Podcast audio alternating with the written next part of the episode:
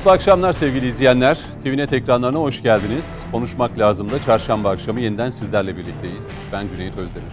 Dört konuğumuz da bugün İstanbul stüdyomuzda bizlerle beraber. Hem içeride hem de dışarıda yaşananları bu akşam da sizlerle birlikte konuşacağız. Güzel bir akşam diliyoruz. Umuyoruz ki program e, keyifli sürer ve siz de ekran başında bizlerden faydalanmış olursunuz. Konuklarımı takdim etmek istiyorum. Daimi konuklarımız Yeni Şafak gazetesi yazarı aynı zamanda Demirder Genel Başkanı Sayın Mehmet Metiner bizlerle beraber. Mehmet Bey hoş geldiniz. Hoş bulduk. Yine daimi konuklarımızdan Coşkun Başbuğ, terör ve güvenlik uzmanı, Nişantaşı Üniversitesi öğretim görevlisi. Komutanım hoş geldiniz. Hoş bulduk. İyi yayınlar. Çok teşekkür ediyorum. Ee, Konsensüs Araştırma Başkanı Sayın Murat Sarı zaman zaman bizlere eşlik ediyor. Bugün de bize eşlik eden isimlerden birisi. Murat Bey hoş geldiniz. Hoş bulduk. İyi misiniz? İyi. İyi gördüm sizi. Bomba gibiyim. İyi, güzel. Ee, ve e, bir de akademisyen hocamız bizlerle beraber Batı Asya Araştırmaları Enstitüsü Başkanı Profesör Doktor Mahmut Yardımcıoğlu. Kendisi aslında siyasetçi de onu da belirtelim. Mahmut Hocam siz de hoş geldiniz. Merhabalar, hoş bulduk. Hayırlı akşamlar. Çok teşekkür ediyorum. Şimdi Türkiye e, olarak kardeş Azerbaycan'ın acısı acımızdır diyerek başlayalım. Azerbaycan'ın şehitleri var. Allah'tan rahmet dileyelim. E, yakınlarına buradan başsağlığı dileyelim. E, önceki gün e, yine Ermenistan'ın saldırgan tutumu ve sınır hattında başlayan e, ki Azerbaycan'ın başta Kelbecer olmak üzere bazı şehirlerinde ciddi çatışmalar oldu ve yer yer bu çatışmaların sürdüğü belirtiliyor. 50 e, Azerbaycan askeri şehit düştüğü, yüzden fazla Ermeni askerinin öldürüldüğü yine gelen bilgiler doğrultusunda. Tabii Karabağ zaferi 44 günde kazanıldı, bir ateşkes e, sağlandı. Türkiye'nin, e, Rusya'nın da e, yine içinde olduğu bir süreç. Bir Şuşa beyannamesi imzalandı. İşte Türkiye ve Ermenistan arasında bir normalleşme süreci, Ankara-Erivan arasında uçuşlar, sınırın açılması. Ha dedik tamam Kafkaslar'da istikrar sağlanıyor, barış gelecek derken yeniden bir patlak verildi. Ve Ermenistan'ın aslında e, tıpkı Yunanistan gibi verilen sözleri tutmadığını yani Miçotakis'te Ankara'da başka, Avrupa'da başka tavrını nasıl gördüysek Paşinyan'da da aynı şeyi gördük. Bununla başlayalım. Bir kez daha Azerbaycan'a başsağlığı dileklerimizi iletelim ve komutanım siz de başlayalım. Diğer konuklarımızın da izniyle. Estağfurullah. Ee, ne oldu hocam? Şimdi az önce güzel bir cümle kurdun. Ee, aynı Miçotakis'te olduğu gibi Paşinyan'da da benzer tepkiler var diye. Aslında olaylar bağımsız gibi görünse de bana göre Yunanistan'ın yaş yani Yunanistan'la yaşadığımız e, şu süreçle Ermenistan'ın yaptığını birleştirmek, örtüştürmek lazım. Hı hı. Hani klasik laftır zamanlaması manidar. Gerçekten bu öyle rastgele değil, bilerek kasten yapılan ve özellikle de bu zaman seçilen bir saldırı. Niye? Ee, geleyim oraya. İşte iki gece evvelde herhalde yanlış hı hı. hatırlamıyorsam. Hafta sonu. E, hafta sonu, hafta sonu gece başladı, iki. Gece. Tam yeni yatmıştım. Telefon acı acı çaldı. Azerbaycan'a arayan. Hocam dedi hemen yayın alacağız. Hayırdır dedik. Ermenistan dedi saldırdı. Nere? İşte e, de, sen dediğin gibi Kelbecer, hı hı. Laçin hı hı. o kritik bölgelere saldırı oldu ve kayıplarımız var dedi. Şehitlerimiz var. Bir kere hep söze dalıp unutuyoruz. 50 tane şehidimiz var. Allah nurlar içinde yatırsın. Yerleri mekanları cennet olsun. Ee, tabii ben hani genele baktım da şaşırmadım. Çünkü hani hep daha, daha önceden de dillendiriyorum. E, dünyada hiçbir olay tesadüf değil artık şu son günlerde. Yani Japonya'daki suikastla Amerika'daki o yapılan e, atıyorum herhangi bir saldırıyı birlikte okumak lazım. E, bu açıdan baktığınızda Ermenistan tıpkı Yunanistan'ın yaptığı gibi amaçsız, e, hiçbir gerekçesiz bir anda bir saldırı başlattı. Şimdi düşünelim Ermenistan'ın buradan bir kazanım olabilir mi? Daha yeni tokadı yemişin. Sırtın yerden kalkmamış ve hala da onun şokundasın, sersemliğini yaşıyorsun. Yani bırak bir orduya kafa tutmayı, savaş açmayı, e, taş atacak gücün kalmamış. Hı hı. E şimdi böyle bir durumda o Ermenistan durup dururken niye gelir de Azerbaycan'a gecenin kör vakti saldırır? Bu tesadüf olabilir mi? Bunu bir sorgulayalım. Yine aynı şekilde Ermenistan velekin o gücü kendinde buldu. Geldi saldırdı. Herhangi bir kazanım olabilir mi? Yani Azerbaycan'dan o bölgeleri geri alacağını mı düşünüyor? Ki Azerbaycan, e, Can Azerbaycan bugün hep söylüyorum bölgesel güç artık. Yani şu an en iyi savaşan ordulardan biri dünyada. Bırak bölgeyi, coğrafyayı. Ve işte bunun sonucunu zaten gördük. Ee, Ermenistan iyi ya da kötü e, küçük ya da büyük. Neticede bir devlet. O bir ordu yapısı var. 44 günde e, yani bir daha bana göre yıllarca telafi edemeyeceği yaralar verdirdi Azerbaycan. Destan yazdılar. E şimdi kenar kuşak ülkelere bakıyorsun. Azerbaycan'ın hani eş değer görebileceğim bir yapı var mı? Bana göre çok zor. E şimdi böyle bir durumda akıl tutulması mı? Yani e, Paşinyan delirdi mi, çıldırdı mı? Elbette çıldırmadı, elbette delirmedi. O halde e, Paşinyan'ı kim mayın tarlasına Kışkırttı. sürdü? Buna bakmak lazım. E şimdi bu açıdan baktığında e, o gece iki tane kritik yerle görüşme yapılıyor. Birisi Fransa, diğeri Rusya. Önce Putin arıyor, ardından Macron arıyor. Peşinden de Blinken'la Blinken'ı da görüşüyor. arıyor. Evet. Ondan sonra ilk bir- birinci gecelik Ha, anladım. aradıklarını kastediyor. Yani bunlar e, yangında ilk kurtarılacak e, devlet başkanları. E şimdi durduk yerde niye aradı bunları? Bakın e, olayları böyle lokal parçalayarak inceleyelim. Fransa. Şimdi Ermenistan'ın Asala terör örgütünü ilk destekleyen ve sonuna kadar desteği kesmeyen bir ülke. Doğrudan terör destekçisi. Hatırlayın bütün o e, dışişlerindeki elçilerimiz katledildiğinde hep arkada Fransa durdu Asala'nın. O hani Asala'nın bir anda görevi... Ta ki kendilerinin canı yanıncaya kadar. Elbette. Asala'nın bir anda PKK ile el sıkışıp görev devir teslimiyle birlikte aynı Fransa bu sefer PKK'ya arka çıkmaya, destek vermeye başladı. Dolayısıyla yani Asala PKK sürecini ayırmıyoruz birbirinden. E, Fransa'yı iki sürecini de tam ortasında göbeğinde buluyoruz. E şimdi Fransa Türkiye'den rahatsız mı şu son günlerde? İnanılmaz rahatsız. En az Amerika kadar huzursuzluk duyuyor. Niye? Kıta kayıyor elinden Afrika kıtası. Afrika ki Fransa'nın yıllardır kanını emdiği ve halen de emmeye devam ettiği bir coğrafya. E şimdi Türkiye orada denklemi bozdu. Türkiye orada bütün taşları yerinden oynattı ve Fransa bana göre kendi içinde acil koduyla Erdoğan durdurulmalı diyor. Türkiye durdurulmalı diyor. Niye? Kıta gidiyor elinden. Ve bir daha da geri gelim işi çok zor. Bak Cezayir 100 yıl sonra kafa tuttu Fransa'ya. Senin dedi yaptığın katliamların dedi hesabını soracağız demeye gelecek cümleler kurmaya başladı. Düne kadar hiç bunların sesi çıkamazdı. İşte o Türkiye'nin Libya ve diğer e, süreçlerde getirdiği nokta bu. E şimdi Fransa bunu benim gördüğümü o görmüyor mu? Görüyor. E şimdi bu durumda e, Akdeniz gene Fransa'nın gözünü diktiği e, sömürü coğrafyalarından biri. E, Fransa'nın şimdi Türkiye'ye gelip de birebir kafa tutma şansı yok. O halde ne yapacak? Hemen yanı başındaki Yunanistan'a para, silah ve gaz vererek sahaya, tarlaya sürecek. Yaptı mı yaptı. Yani Amerika'yı hep dillendiriyoruz da Fransa da işin içinde Yunanistan'a karşı. Mitsotakis de hep oralara gidiyor. Daha yine o gene oradaydı. Ya oradaki o görüntü yalnız çok enteresandı. Sosyal medyada gördünüz mü? Macron konuşurken Mitsotakis'in şöyle eğilip E, yani Kof- notlarına dair böyle bir bakışı vardı. E, benim çok iyi yakalamışlar onu. Benim lafı hatırladın. Karadeniz'de bir tekneyi Miço yapmayacağına devlet teslim etmişler. Ee, tekne alabora diye. Aynı şey işte. Yani devlet vasfı olmadığı için ya yandan çalacak ya ondan kopya Cidden ya, çekecek. çok iyi yakalamışlar. Heh, o, o de- görüntü. güzel kareydi Evet, hakikaten. Evet. E şimdi e, Yunanistan, yani Fransa'nın yapacağı iş Yunanistan'ı sahaya sürmek sürdü Ege'de, Akdeniz'de. Şunu anlıyorum yani Atina ve Erivan aslında 100 yıl öncesinde de bu iki taraftan Türkiye biliyorsunuz saldırılar altında kalmıştı. Asla unutmayalım. İki tane kullanışlı ulus var. Rumlar ve Ermeniler. Bunların bu iliklerine işlemiş kader hala onlarla bir gidiyor. Bakın Kurtuluş Savaşı. Ee, Ama tabii burada özne Azerbaycan tabii ki. Kesinlikle. Ha, geleceğim oraya. Oraya geleceğim. Ee, bu bir- Oranın şimdi- istikrarı bizim için önemli. Ha, bir boyut bu benim anlattığım.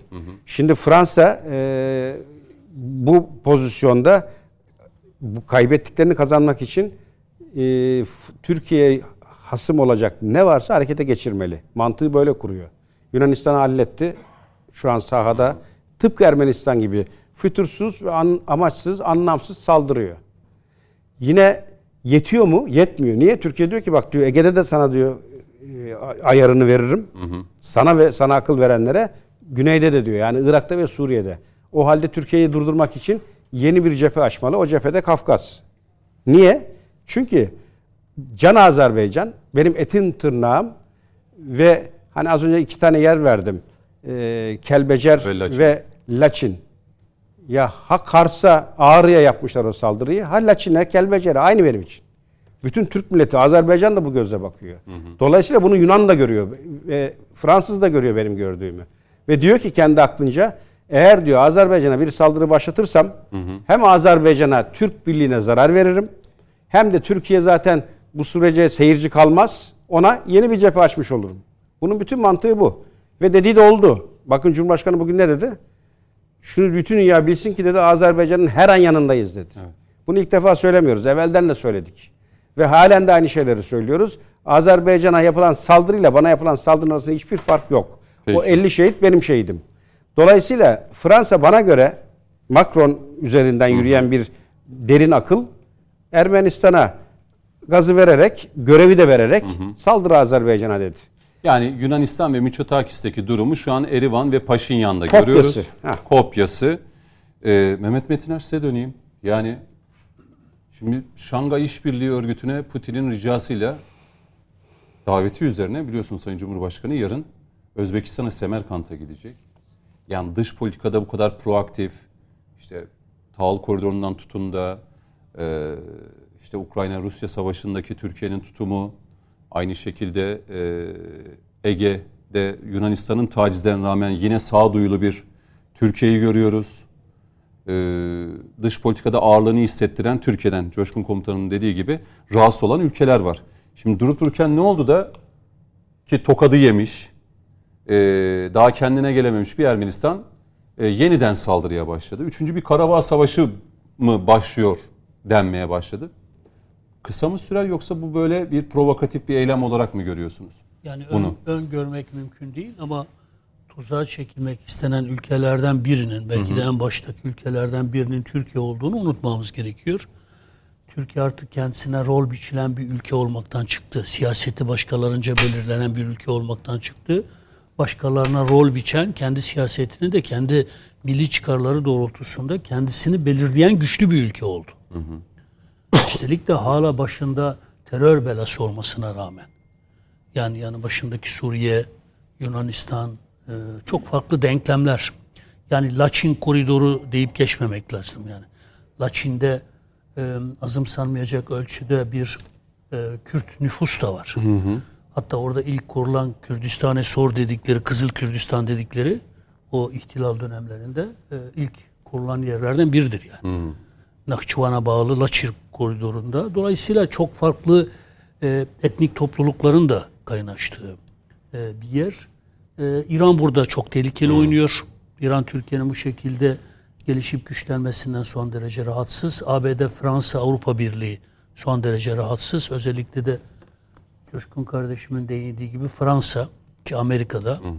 Yani e, Ukrayna'da yaratılan istikrarsızlık şimdi tekrar Ermenistan üzerinden bölgeye, Kafkasya'ya e, sıçratılmak isteniyor. Çünkü o Zengezor koridorunun açılmasıyla birlikte Türk Cumhuriyetlerine açılacak olan o kapı, devasa kapı, Türkiye'nin orada e, başat bir rol oynaması e, bunlar çok ciddi rahatsızlıklar oluşturuyor. Çünkü e, şimdi ne yapacaklar? Yani rahatsız olan ülkelere bakınız.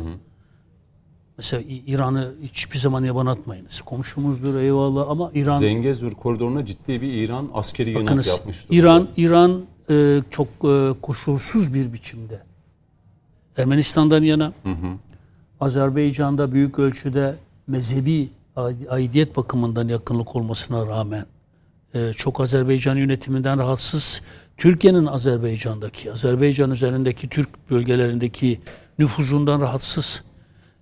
İran denklemini hiçbir zaman unutmayınız. bölgedeki. Bölgede bakınız Pekkan arkasındaki güç odaklarından biri de İran'dır. Suriye'nin kuzeyinde Haçlı Şabilerle birlikte e, şeylerle birlikte kendi milis güçleriyle birlikte Pekka ile nasıl kol kola girdiklerini biliyoruz. Yani İran da bizim bildiğimizi biliyor. Bütün bir dünya da biliyor ama biz sadece Amerika'ya vurgu yapıyoruz. Uluslararası koalisyona vurgu yapıyoruz. İran en başından itibaren çok tehlikeli bir biçimde böyle emperyal bir mezhepçiliğe yaslanan e, Fars milliyetçiliğinden de kadim Fars milliyetçiliğinden de beslenen emperyal bir siyaset izliyor. Yani bölgede hani biz Rusya'yı, hadi Rusya bir tarafa da Avrupa, Fransa, işte Amerika diyoruz ama Azer- İran'ı burada- Azerbaycan'ı, Can Azerbaycan'ı hala kendi parçası olarak görüyor. İran değil mi? Tabii, tabii yani siz zaten diyor Büyük Azerbaycan'ın bir parçasıydınız. Ee, işte tarihsel sözleşmelerle sizi verdik. Tekrar e, hala böylesine bir emperyal e, şeyi var, niyeti var. Azerbaycan İran'ın nüfuzuna girmemek için ciddi bir direnç gösteriyor. Türkiye'nin oradaki varlığı İran için ciddi bir tehdit unsuru. E, dolayısıyla burada esas e, Kafkaslardaki şu an e, şey olan Putin'in siyaseti. Yani Putin'in Karabağ meselesinde eğer sergilemiş olduğu tarafsız e, tutum olmamış olsaydı, Türkiye'nin de bir başka deyişle tercihlerine uygun bir siyaset olmamış olsaydı zaten Karabağ Savaşı'nda e, bu başarıyı elde etmek mümkün değil. Putin faktörünü, Rusya faktörünü hiç kimseye bana atmasın. Yani Ukrayna'da Zelenski üzerinden tezgihlanan Rusya'yı köşeye sıkıştırma politikası şu an Paşinyan üzerinden Ermenistan'ı yedeğe alarak e, e, bölgeyi tekrar e, istikrarsızlaştırmaya çalışıyorlar. Çünkü Rusya burada bir şekilde bir tercih koyacak. Yani ya Ermenistan'dan yana bir tercih koyacak ama Rusya şunu görüyor. Ermenistan arkasındaki güç odaklarını görüyor. Amerika'yı görüyor. İran'ı görüyor ama İran'la şu an Rusya'nın ilişkileri çok iyi. E, Fransa'yı görüyor, Avrupa Birliği'ni görüyor. E, bütün bunlar da şu an Ukrayna dolayısıyla Rusya'ya yaptırım uyguluyor. Yani düşmanlık besleyen ülkeler. Dolayısıyla burada Rusya'nın da başına bir gayle açmak, Türkiye'yi orada çok sıkıntıya sokmak isteyen ve tesadüfle asla açıklanamayacak bir tehlikeli gelişmeyle karşı karşıyayız. O yüzden ben e, e, bu oyunu da bozacağımız kanaatindeyim. Mesela Şangay'a gidecek. Şangay çok önemli, Örgütü bakınız. Biliyorsun normal askeri.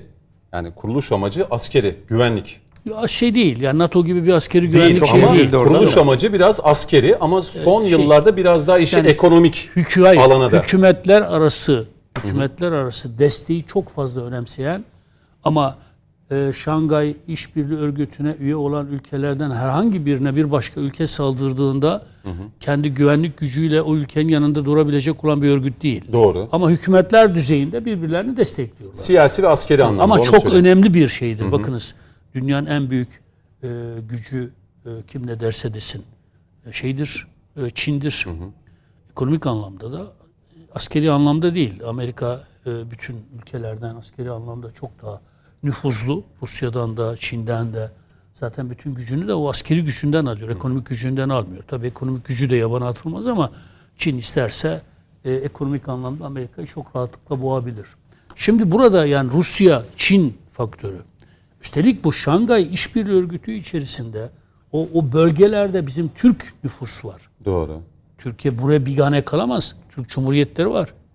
Yani dolayısıyla biz NATO üyesiyiz diye Avrupa Birliği'ne doğru bir yürüyüşümüz var diye Şangay İşbirliği Örgütü'nden kendimizi tecrit edemeyiz. Kendi politikamızı kendimiz belirleriz. Fakat işte bir anda Putin'le geliştirdiğimiz ilişkiler, NATO'ya rağmen S-400 füzelerin alınmasıyla birlikte başlayan süreç, bir anda Suriye'de başka denklemleri bozmak için zaman zaman Putin'le geliştirdiğimiz ilişkiler. Ee, Ukrayna meselesinde e, evet NATO'nun hassasiyetlerine uygun davranan ama proaktif e, politikasını da tarafsızlık ekseninde sürdüren, iki tarafı da uzlaştırmaya, barıştırmaya yönelen bir Türkiye politikası Amerika'nın işine gelmiyor. Avrupa Birliği'nin işine gelmiyor. Onlar tavır koyan, hatta düşmanca davranan bir Türkiye olsun istiyorlardı. Belki de Ukrayna krizinin bir sebebi de buydu. Yani Türkiye'de NATO üyesi bir ülke olduğu için seçeneğini mecburen Avrupa'dan yana yapacaktı, Amerika'dan yana yapacaktı ve dolayısıyla Putin'i karşısına alacaktı. Dolayısıyla da kendi içinde de çok ciddi e, tehlikelerle karşı karşıya gelecekti. Onun için ben e, Can Azerbaycan'a e, başsağlığı diliyorum. Onlar bizim şehitlerimizdirler. Onlar yalnız değildirler. Biz bu oyunu bozarız. E, Paşinyan aklını başına devşirsin.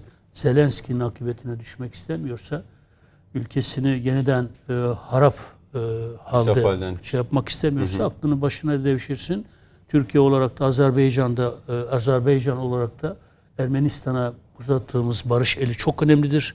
Kafkasya'da barış çok önemlidir. Ermenistan'ın da yararına olan. işgal Doğru. ettiği Bu söylendi. Biz e, biz biz diyorum yani e, Azerbaycan demiyorum. Biz Ermenistan'ın topraklarını işgal eden bir ülke değiliz. Ermenistan tarafından toprakları işgal edilen bir ülkeyiz ve dolayısıyla topraklarını işgalden kurtaran bir ülkeyiz. Dolayısıyla sanki Ermenistan'ın topraklarından Yani bir bir de parça öyle. almışız da Ermenistan hassasiyet gösteriyor. Hayır, tarihsel olarak o topraklar Azerbaycan'a ait topraklardır. e, tarihsel nedenlerle, silah gücüyle Rusya'nın o dönemde Ermenistan'a Erivan hükümetinin arka çıkmasıyla birlikte oluşan bir statükodudur bu. Tıpkı tıpkı şeye bağlayarak bitiriyorum. Peki. Tıpkı 1947'de Paris konferansıyla yanı başımızdaki adalarımızın. Bodrum'dan elini uzattığında dokunabileceğin kadar yakın olan İstanköy'ümüzün Kos'a dönüştürülmesi gibi, Meis adamızın Kaş'tan e, bilmem ne adasına dönüştürülmesi gibi o oralar kim ne derse desin hangi konferansta verilmiş olursa olsun onlar Osmanlı'nın adalarıdırlar. Eskiden de Menteşe Beyliği'nin adalarıdırlar. Adalar. Yıllar yılı Menteşe adaları diye bilinir. Akdeniz, Ege Denizi diye bir deniz yoktur. Akdeniz vardır. Akdeniz'in doğusu vardır. Sonradan Ege Denizi diye uyduruk bir deniz ürettiler. Adaları önce İtalyanlara verdiler. Evet İtalyanlar işgal etti. Doğru. Ama Birinci Dünya Savaşı'nın galibi olduğu için verdiler masada.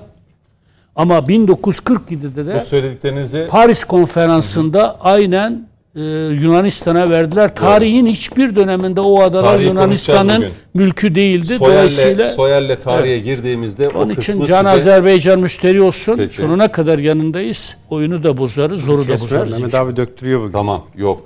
Tarih Tam şah- kısmını tam biraz şah damarı yerlere tamam, vurdu Tarih zaten. bölümünü özellikle sonraya ayırsın diye e, belki virgül koymasını istedim. Hocam size döneyim sonra Murat Sarı ile devam edeceğim. Şimdi Ermenistan şimdi öyle güzel bir şey söyledi ki Sayın e, Metiner. Burası Azerbaycan'ın topraklarıydı. Türk yurduydu.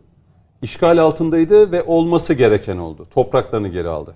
Şimdi söylenen işte e, Ermenistan işte bu savaşta e, kaybettiklerini yeniden geri almak için böyle bir şeye yöneldiği belirtiliyor. Paşinyan'a içeride baskı var.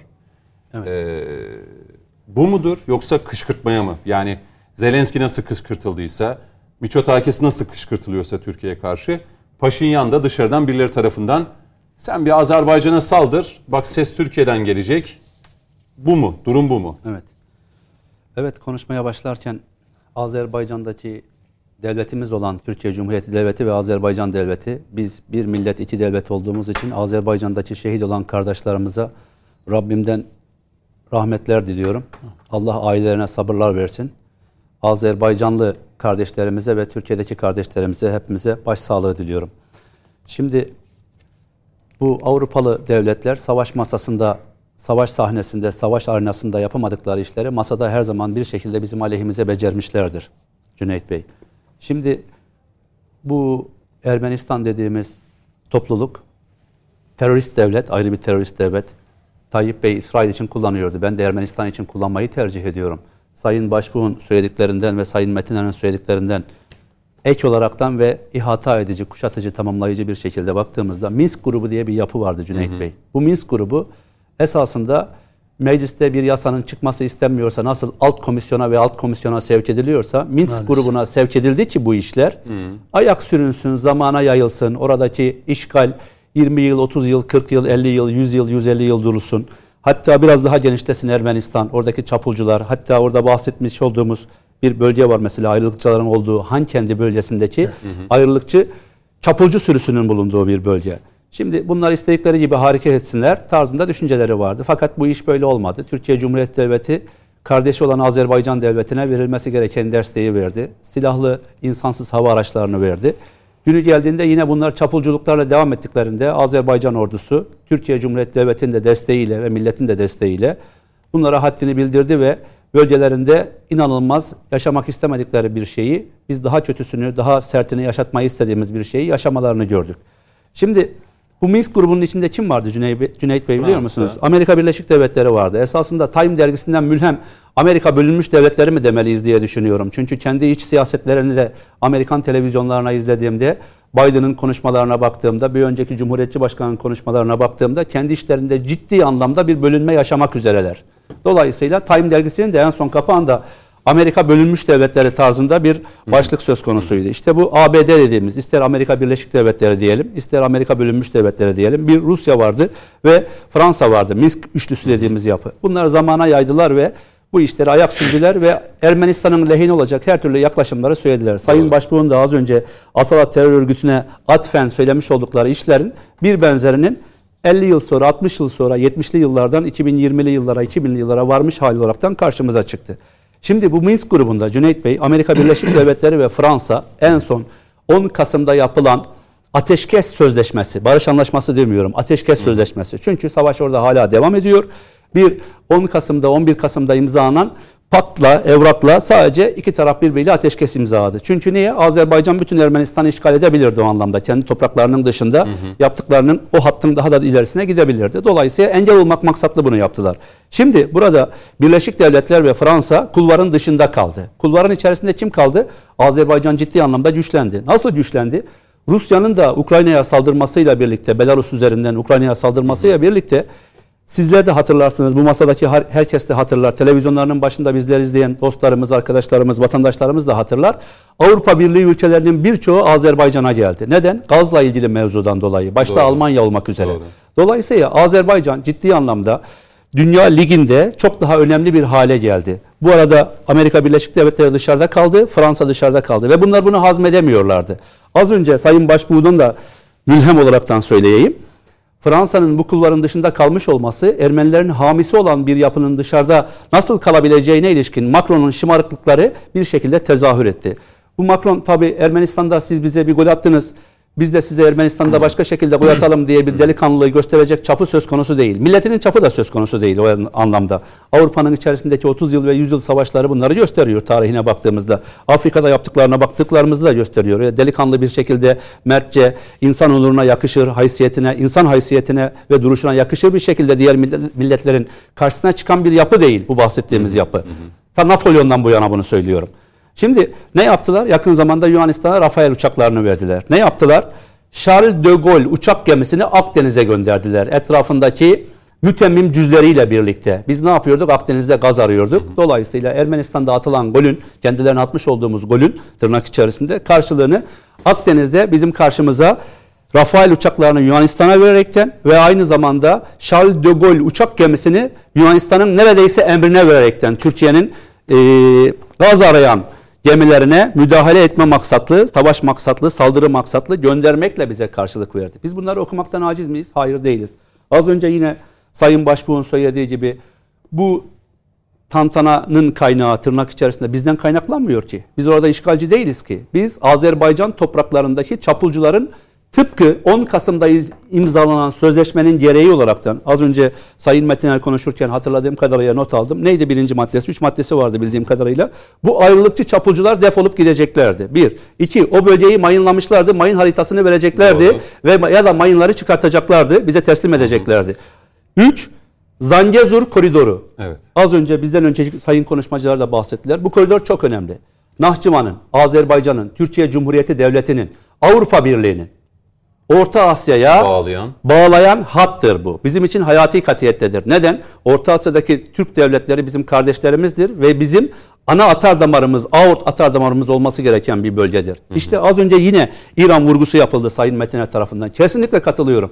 Bu coğrafyada tıpkı İngilizler gibi İran'da perdenin arkasında iş yapmayı çok seviyor.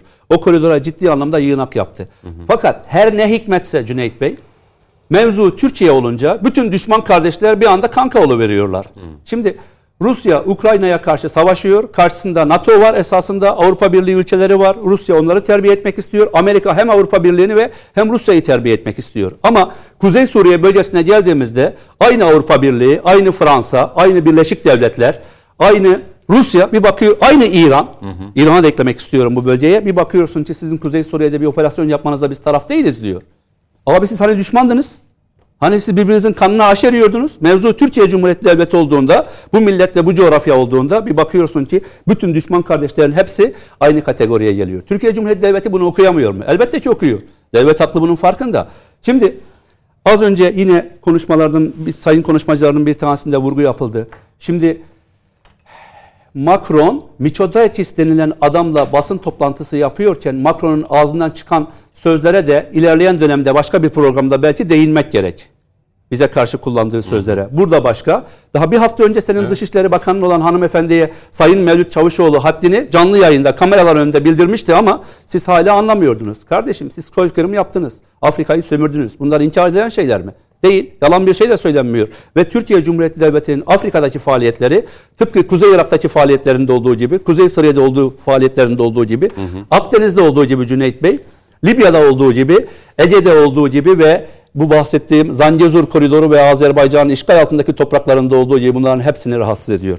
Bakın o Miçotakis'le Macron basın toplantısı yapıyorken aynı anda Yunanistan Dışişleri Bakanlığı'nda Yunanistan Dışişleri Bakanı ile Amerika Birleşik Devletleri'nin Yunanistan Büyükelçisi'nin görüşmeleri vardı. Neyin kutlamasıydı biliyor musunuz?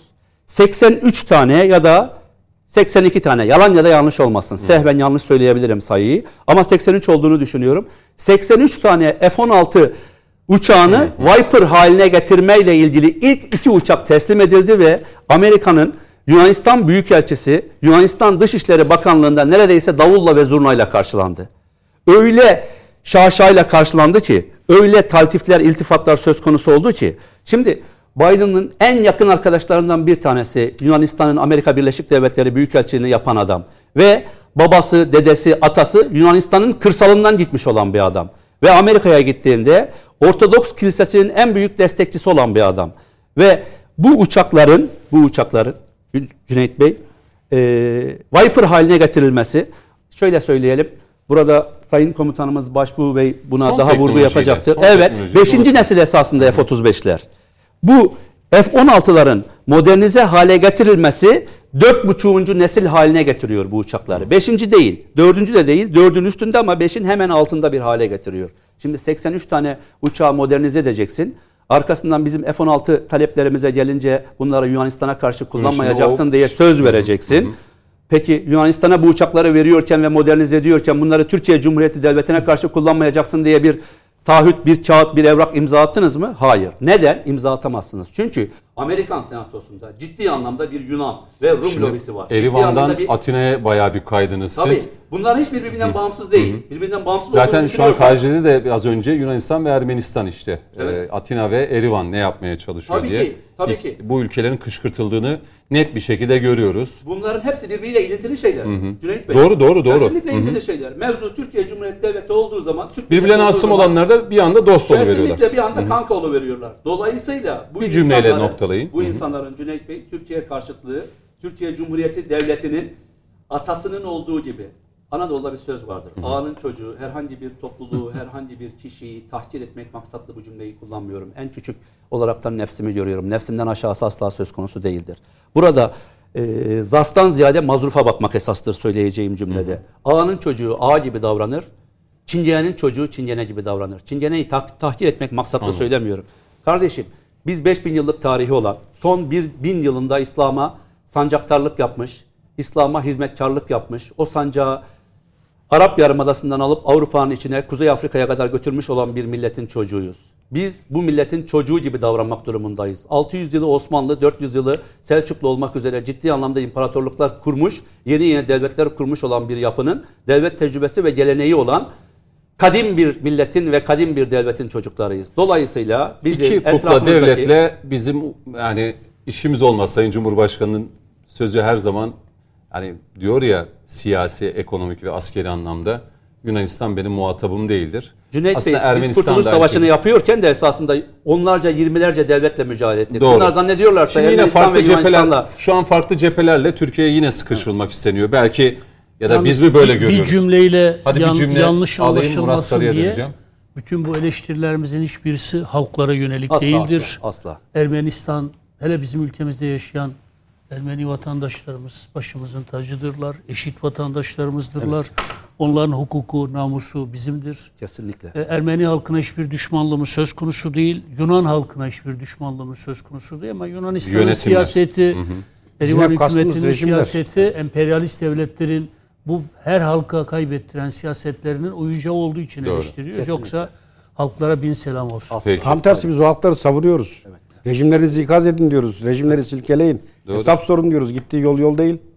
Yoksa biz dediği gibi Mehmet abinin yani hiç Ermeni Rum Yıllarca bir Elbette, arada yaşamışız. İşte onu Asla. diyorum yani bizim ülkemizde yaşayan Türkiye Cumhuriyeti vatandaşı Kesinlikle. olan Ermeniler, Rumlar elbette bu ülkenin Onlar bu ülkenin Tabii. ekaliyeti değildirler. Doğru. Azınlığı değil. Biz Lozan'daki azınlık kavramını kabul etmiyoruz. Doğru. Onlar Onlar, bu bu ülkenin bir ülkenin parçası. hür ve eşit vatandaşları. Doğru. Kesinlikle. Doğru. Bu duyarlılığı da gösterdiğiniz için teşekkür edeceğim Sayın Metiner.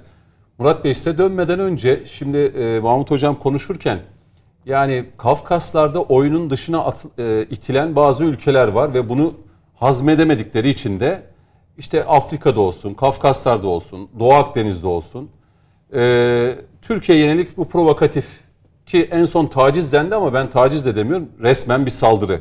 Yani gemiye yönelik bu taciz değil. 30'dan fazla Eşkıya, mermi. korsan. Tabii. E, bir görüntü var. Bu e, Ermenistan'ın en son saldırıları başladıktan sonra e, Dünya Güreş Şampiyonası'nda Azerbaycanlı bir güreşçiyle Ermeni bir güreşçi minderde mücadele ediyordu. Azerbaycanlı güreşçi herhalde e, tüm Türk dünyasının da galiba tercümanı oldu. Ermeni güreşçiyi aldı. Daha bir şey söylemeyeceğim çünkü gerçekten oyunun dışına nasıl atılır e, onu bir izleyelim. Sonra Murat Sarı'ya söz vereceğim.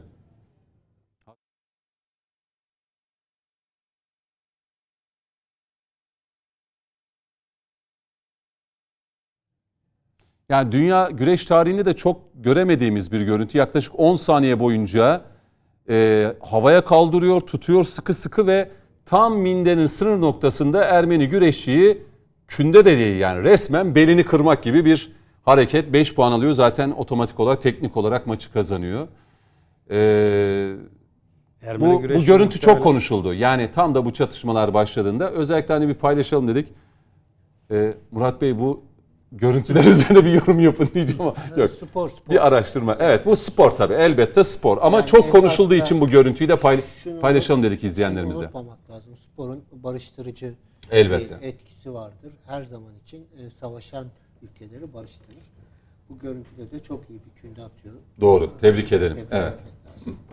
Şimdi bir baktığınız zaman e, bu bir olaylar silsilesi var ve etrafımızda bu olaylar silsilesi olur. Bir, şöyle bir özetleyelim. Aslında e, e, Sayın Komutan ö- özetledi e, bir başlangıçta. Şimdi ne oluyor? E, bir NATO tatbikatı oluyor. Amerika var işin içinde. Bir. E, ondan sonra Miçotakis var işin içerisinde. E, e, ilk önce bizim e, Rusya'dan satın aldıkları S-300'lerle o NATO tatbikatında kullanılıyor. Doğru. O Rusya'dan satın Al- aldıkları. Yunanistan onları kullanıyor. Evet. Biz Bize radar kilidi attıkları da yine o ve bize S-300'ler. radar kilidi atıyorlar. Doğru. Fakat onlar o S-300'leri kullanırken biz S-400'leri aldık diye F-35 şeyinden çıkartılıyoruz. Ee, programından çıkartılıyoruz. Bir de paramıza çöküyorlar. Paramızı da vermiyorlar. Doğru. Hala alamadık parayı. Alamadık. Yani şimdi bir Amerika e, ve e, Yunanistan'ın bir şeyi var. Ha bu arada ben ilk defa görüyorum. Yani e, böyle bir şey belki vardır. E, bir ülkenin başbakanı bir başka ülkenin e, cumhurbaşkanıyla e, basın toplantısı yapıyor ve o ülkenin dilini kullanıyor. Miçotakis Fransızca açıklama yapıyor Doğru. Macron'un yanında. Yani kendi dilinle yap değil mi? O çevresi. E, niye? Fransa'ya kendini daha Diplomasi iyi anlatabilmek Dilinde nedir bu? E, ya ben, Size teşekkür ederiz. Bu size destek teşekkür- siyasi anlamda, askeri Ya, anlamda, ekonomik bu- anlamda. bilemiyorum yani bunu uluslararası, Jest mi diyelim? uluslararası ilişkiciler değerlendirsin ama dünyanın hiçbir yerinde iki ülkenin e, en üst düzey yöneticileri basın Kendi toplantısı dillerinden yapar, konuşurlar, değil kendi dillerinden Doğru. konuşurlar ve çevrilir bu. Evet. Basın mensupları da çevirir. E, e, Yunanistan'ın yüzde kaçı anladı Miçotakis'in konuştuğunu? Yani Miçotakis de belki bir Fransız. Yani o boşuna değil o tepeden böyle bakması, Evet, evet. orada ne yazıldığını okumaya çalışması. Anlıyor çünkü Fransızca. Doğru, doğru. Ee, şimdi Fransa girdi işin içine. Evet. Şimdi, e, şimdi tüm e, Azerbaycanlı e, soydaşlarımıza başsağlığı diliyorum. Orada olan e, şehitler bizim şehitlerimiz. Bizdeki hani bizim- terörle mücadele nasıl şehitler verdiysek bugün Azerbaycan'da o görüntüler vardı. Şimdi bir defa bunu e, e, bir baktığınız zaman ben birazcık kendi işimi de işin içine karıştırmak istiyorum. Türkiye'ye e, en dost ülke kimdir diye sorduğunuz zaman listenin her zaman en Bir başında numara Azerbaycan değil mi? Azerbaycan vardır. Yani bir soydaşımızdır. Evet. Ee, şimdi Paşinyan ne yapıyor? İlk önce bir Macron'la konuşuyor. Yine var işin içinde Fransa. Peşinden Putin'le konuşuyor. Peşinden Blinken'la konuşuyor. Ve sabahına Azerbaycan'a saldırıda bu. Evet. Şimdilik e, e, biz ne yapıyoruz? Yani bu, bu, ikisi de bizimle Niye ilişkili bir şey. Hatırlattınız yani önce e, Macron, Putin sonra Blinken sabahına saldırı başlatıyor. Saldırı başladı. Paşinyan acaba biz topraklarımızı geri almak istiyoruz, saldırmak istiyoruz. Hiç alakası yok. Onlar izin vermedi ya da tam tersi. Tam zamanı böyle bir saldırı mı başlar? Ya elinde gücü olsaydı o savaşa devam eder Ermenistan. Elinde gücü yoktu. Gücü. Bir şekilde gücünü toparladı. Bunu da unutmamak lazım ama o yine biter ve seni yine satarlar merak etme. Yine satıldı orada. Doğru. Yani Darbe gö- yapıldı gö- ülkede. Erivan'da biliyorsunuz gü- meclisi basıldı. Tabii güvendi Çü- çünkü Rusya ben karışmıyorum arkadaş sen git hani kendi adamlarınla hallet dedi. Ermenistan'ı halledemediler. Yani sonuçta o savaşı bir düşündüğünüz zaman çünkü e, Azerbaycan e, e, dünyanın en yüksek oranda o, o dönem içerisinde e, savunma silahı alan ülkelerinden bir tanesiydi. Çünkü çok ciddi bir doğal gaz var. Şimdi bizim konumuz ne? Biz Putin tarafından çağrılıyoruz ve Şangay Beşlisi'nin ki NATO'nun düşmanı. Şangay e, Beşlisi NATO karşıtı olarak kurulmuş bir şey. Oraya davet ediliyoruz ve biz oraya geçeceğiz. Cumhurbaşkanımız oraya Evet. o daveti kabul ediyor. Şimdi biz bunları yemeyiz. Bu ülke e, ö- Bunlar öyle birbirinden bağımsız şeyler değil. değil. Bir onun altını Bun- bu- çizelim. bunların bu saydığım üç olay birbiriyle birebir bağıntılı bana göre. Ama biz daha önce Şangay İşbirliği Örgütü'nün toplantısına katılmıştık. Gözlemci Ya, statüsü. katılıyoruz. Gözlemci statüsündeydi Sayın Metin. E, e, Putin çağırıp biz öyle gitmemiştik. Lider Putin düzeyinde çağırdı. katılmadık değil mi? Lider düzeyinde. Y- Yok lider düzeyinde de katılmadık. Gözlemci Bilmiyorum. olarak katıldık. Gözlem, ha, Gözlemci yok olarak. Türkiye Cumhuriyeti'nin İlk defa liderimiz gidiyor benim bildiğim. Ha, bir git, bir gene bakalım editör arkadaşlarımızla birlikte. yine bir bakarlarsalar. Şimdi gemiye saldırı falan bunlar tabii Yunanistan'ın yaptığı şeyler. Bizim gözümüzün açık olması lazım. Bizim bu provokasyonlara gelmememiz lazım. Daveti siz iyi niyet olarak mı görüyorsunuz yoksa NATO'dan biraz daha bu tarafa çekme amaçlı e, Ya Moskova'dan gelen bir Ee, e, bizim bakın bu başka bir şey. Yani çok karmaşık diyorum ya. Yani ben analitik olarak bakıyorum. Çok da iyi, e, çok da hakim olduğum bir konu değil ama bir tahıl meselemiz var. evet Ukrayna'dan tahıl alıyoruz, götürüyoruz. Bu e, yani Rusya böyle hadi canım götürün falan demesine rağmen Rusya bu konuya bozulmuş vaziyette. Bu, bu ilişkilerimizi dağıtmak için de yapmış olabilir Rusya bunu. ama tahıl meselesinde yeni bir rota belirlenecek çünkü hem Sayın Cumhurbaşkanı hem de Putin ikisi de bu tahıl koridorundan çıkan gemiler zengin ülkelere gitmiş. Sadece bir iki Afrika ülkesine ulaşmış İşte bu. Tam, tam, tam söylediğim şey bu. Yani sonuçta burada bir bozukluk var. Yani bunu bilerek mi yaptı Putin veya çok daha evvelden mi planlandı falan bilemiyorum. Tabii bunu e, çok da konuya hakim değilim esasında Anladım, Cüneyt anladım. Bey.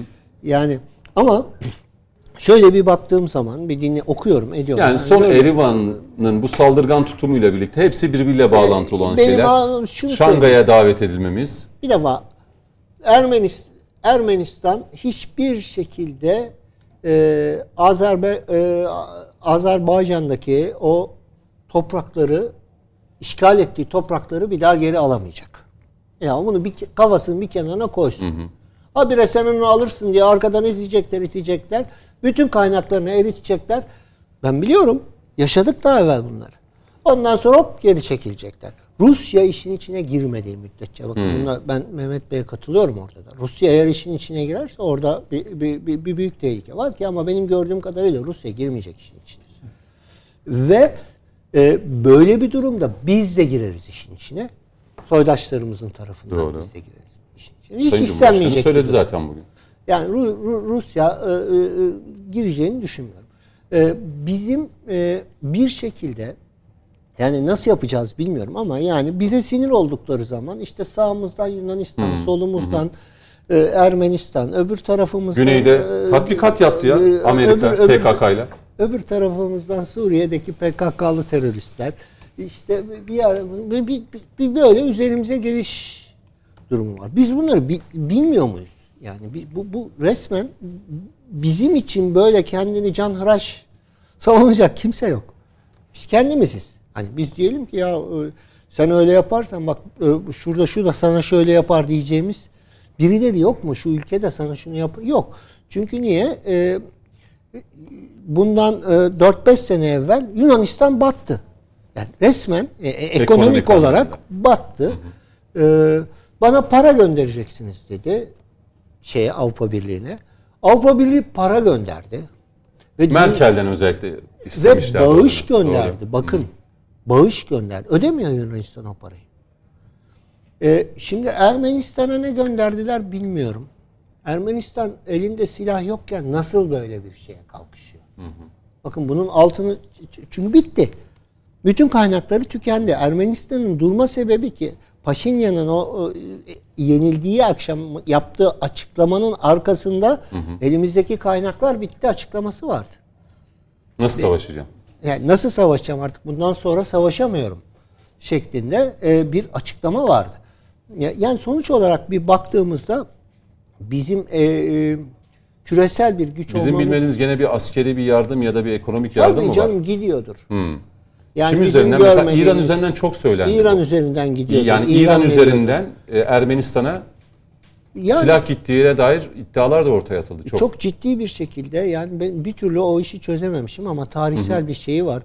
Yani Cümleyle noktalayayım e, araya tabii, gidecekmişim yönetmenim. e, e, Rusya ile beraber olabiliyor da e, Azerbaycan İran'la Azerbaycan birbirleriyle düşmanlar. Bu bu anlaşılır gibi bir şey değil. Yani çünkü tarihsel bir şey var herhalde. Şimdi o konuya girdik mi hem Coşkun Başbuğ hem Yani e, Mahmut yok- Hocam hem Mehmet Metiner çok iyi anlatır. Yani Şimdi oraya hocam Reklama gidiyorum. getirdi. Reklamdan sonra gidelim.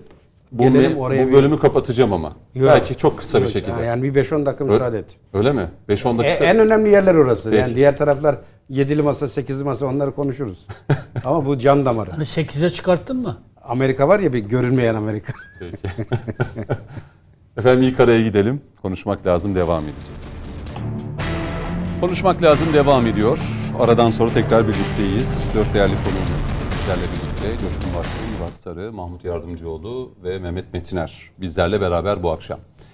Ee, Ermenistan-Azerbaycan meselesine virgülü koyduk. Coşkun Başbuğ'la devam edecektik ama bir siyasete girelim istiyorum. Vebal Hazır sende. Murat Sarı da bizlerle beraber ki zaman zaman e, değil aslında hani geride bıraktığımız tüm seçim, referandum vesaire nokta atışı yapan araştırma şirketlerinden birisidir. iyi tahmin diye. İyi tahmin diyelim. Öyle diyelim. Yani özellikle 16 Nisan referandumu olsun, Cumhurbaşkanlığı Ya, seçimi e, olsun. bir e, konsensusun tarihinde bir tane 3 puanlık bir yanılgı var. O da 1 Kasım 2000 E, o e, seçim o- değil mi? 15. 7 Haziran'la 1 Kasım o orası. 2015 Evet. seçimleri. Zaten orada herkes şaşırmıştı o arada. Kimse e, Evet. doğru yakalayamadı. Şimdi ya bir ittifaklar arasında ya daha doğrusu en çok merak edilen şimdi biz Eylül ayındayız. Aşağı yukarı 8 ay gibi bir zaman kaldı artık seçime. Yani Mayıs'ın sonu hatta 29 Mayıs İstanbul'un fethinin de yıl dönümüne denk gelebileceği de söyleniyor. Belki Haziran'ın ilk haftası okullar tatili olmadan önce de. Ee, bir altılı masa var. 6 artı 1 deniyor. İşte 7-8 dedi Sayın Metiner. Bu masa ikinci tur görüşmelerine başlayacak. Hala bir aday. İşte açıklamıyoruz. Yıpranır bu isim. Genel başkanların isimleri geçiyor. Belediye başkanlarının ismi geçiyor. Sonra belediye başkanlarının ismi bir geri plana atılıyor. Tekrar genel başkanlar üzerinden e, bir aday e, mücadelesi var. Mesela Sayın Meral Akşener'e en son Kılıçdaroğlu'nun adaylığıyla alakalı bir soru yöneltildi biz riske atamayacağımız bir seçime giriyoruz diyerek üstü kapalı sanki Kılıçdaroğlu'nun adaylığını çok da sıcak bulmuyoruz gibi Ama bir. itiraz etmeyiz dedi baştan. Tamam itiraz etmeyiz dedi ama riske atmayacağımız bir seçime gidiyoruz dedi.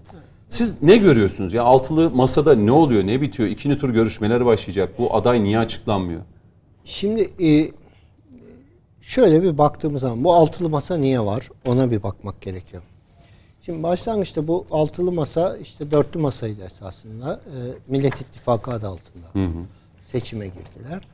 Ve e, hedefleri 2017'deki referandumda ortaya çıkan Cumhurbaşkanlığı hü- hükümet sistemini değiştirmekti. Tutkal oydu. E, yola çıktıkları yer burasıydı. E, tabii, tabii başka pek çok şey etken var ama en tepede tutan e, bu e, yapıyı Onları birleştiren, onlar- bir arada tutan bu. bu. Yani e, e, güçlendirilmiş, eski olmayan, eskideki o parlamenter sistem değil.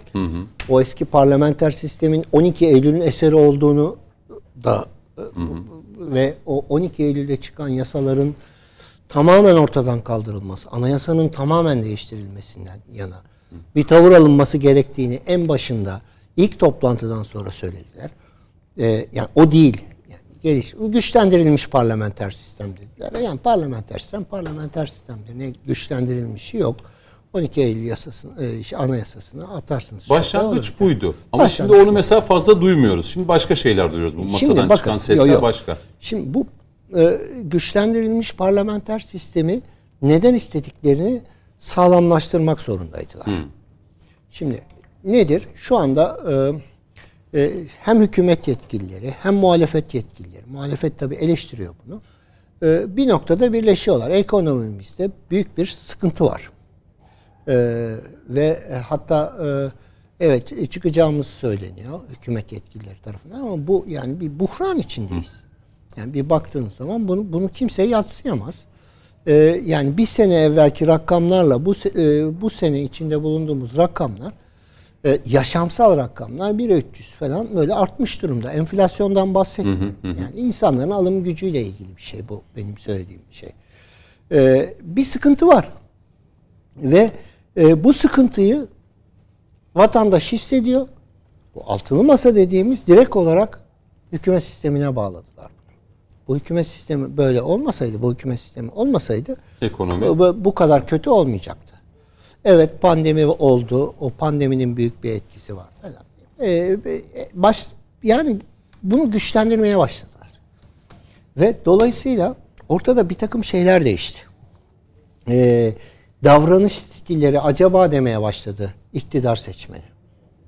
Ya acaba doğru mu söylüyorlar demeye başladı ve bir baktık ki bu anketlerde pek çok anket yayınlanıyor. Ee, bir anda işte bugün tekrar edilse o, o referandum e, hayır oyu 16 vereceklerin Nisan referandumu diyorsunuz. 16 Nisan referandumu. Hayır oyu vereceklerin oranları %56'lar %57'ler seviyesine çıktı. E ve bu hayır diyenlerin arasında da AK Parti seçmeni var. Yani hayır veririm bu sefer diyenlerin arasında. Ama bir sonraki soruda soruyorsunuz kime oy verirsiniz? AK Parti'ye veririm diyor. Ama o, o referanduma hayır verir. Şimdi burada bir şey var. Ve zaman içerisinde koşullar ağırlaştıkça Oyun tuttu o zaman sizin dediğinize göre. efendim Oyun tuttu o zaman sizin dediğinize göre. Ekonomik başarısızlığı e, şeye bağladılar diyorsunuz ya. e, oyun mu değil mi bile, bilemiyorum onu. O bu, bu tam tam siyasetçilik durumu. Sizler değerlendirirsiniz onu. Ben durumu ortaya koyuyorum. Ee, şimdi sonuç olarak bir baktığınızda e, bazı e, vurgular yap, yapıyorlar. Sisteme dair vurgular yapıyorlar. İşte e, demokrasiye da, Demokrasi. mesela demokrasiyi getireceğiz diyor. Yani daha daha kuvvetli bir demokrasiyi getireceğiz diyor. Rejim değişti diyor. Şimdi bunlar hep altılı masanın söylemleri. Ee, ve vatandaşın e, algısını kendilerine doğru çeviriyorlar. Ve e, doğru olduklarına doğru. Şimdi şeye gelelim. Aday meselesi. Adayı En çok merak edilen Murat Bey bu.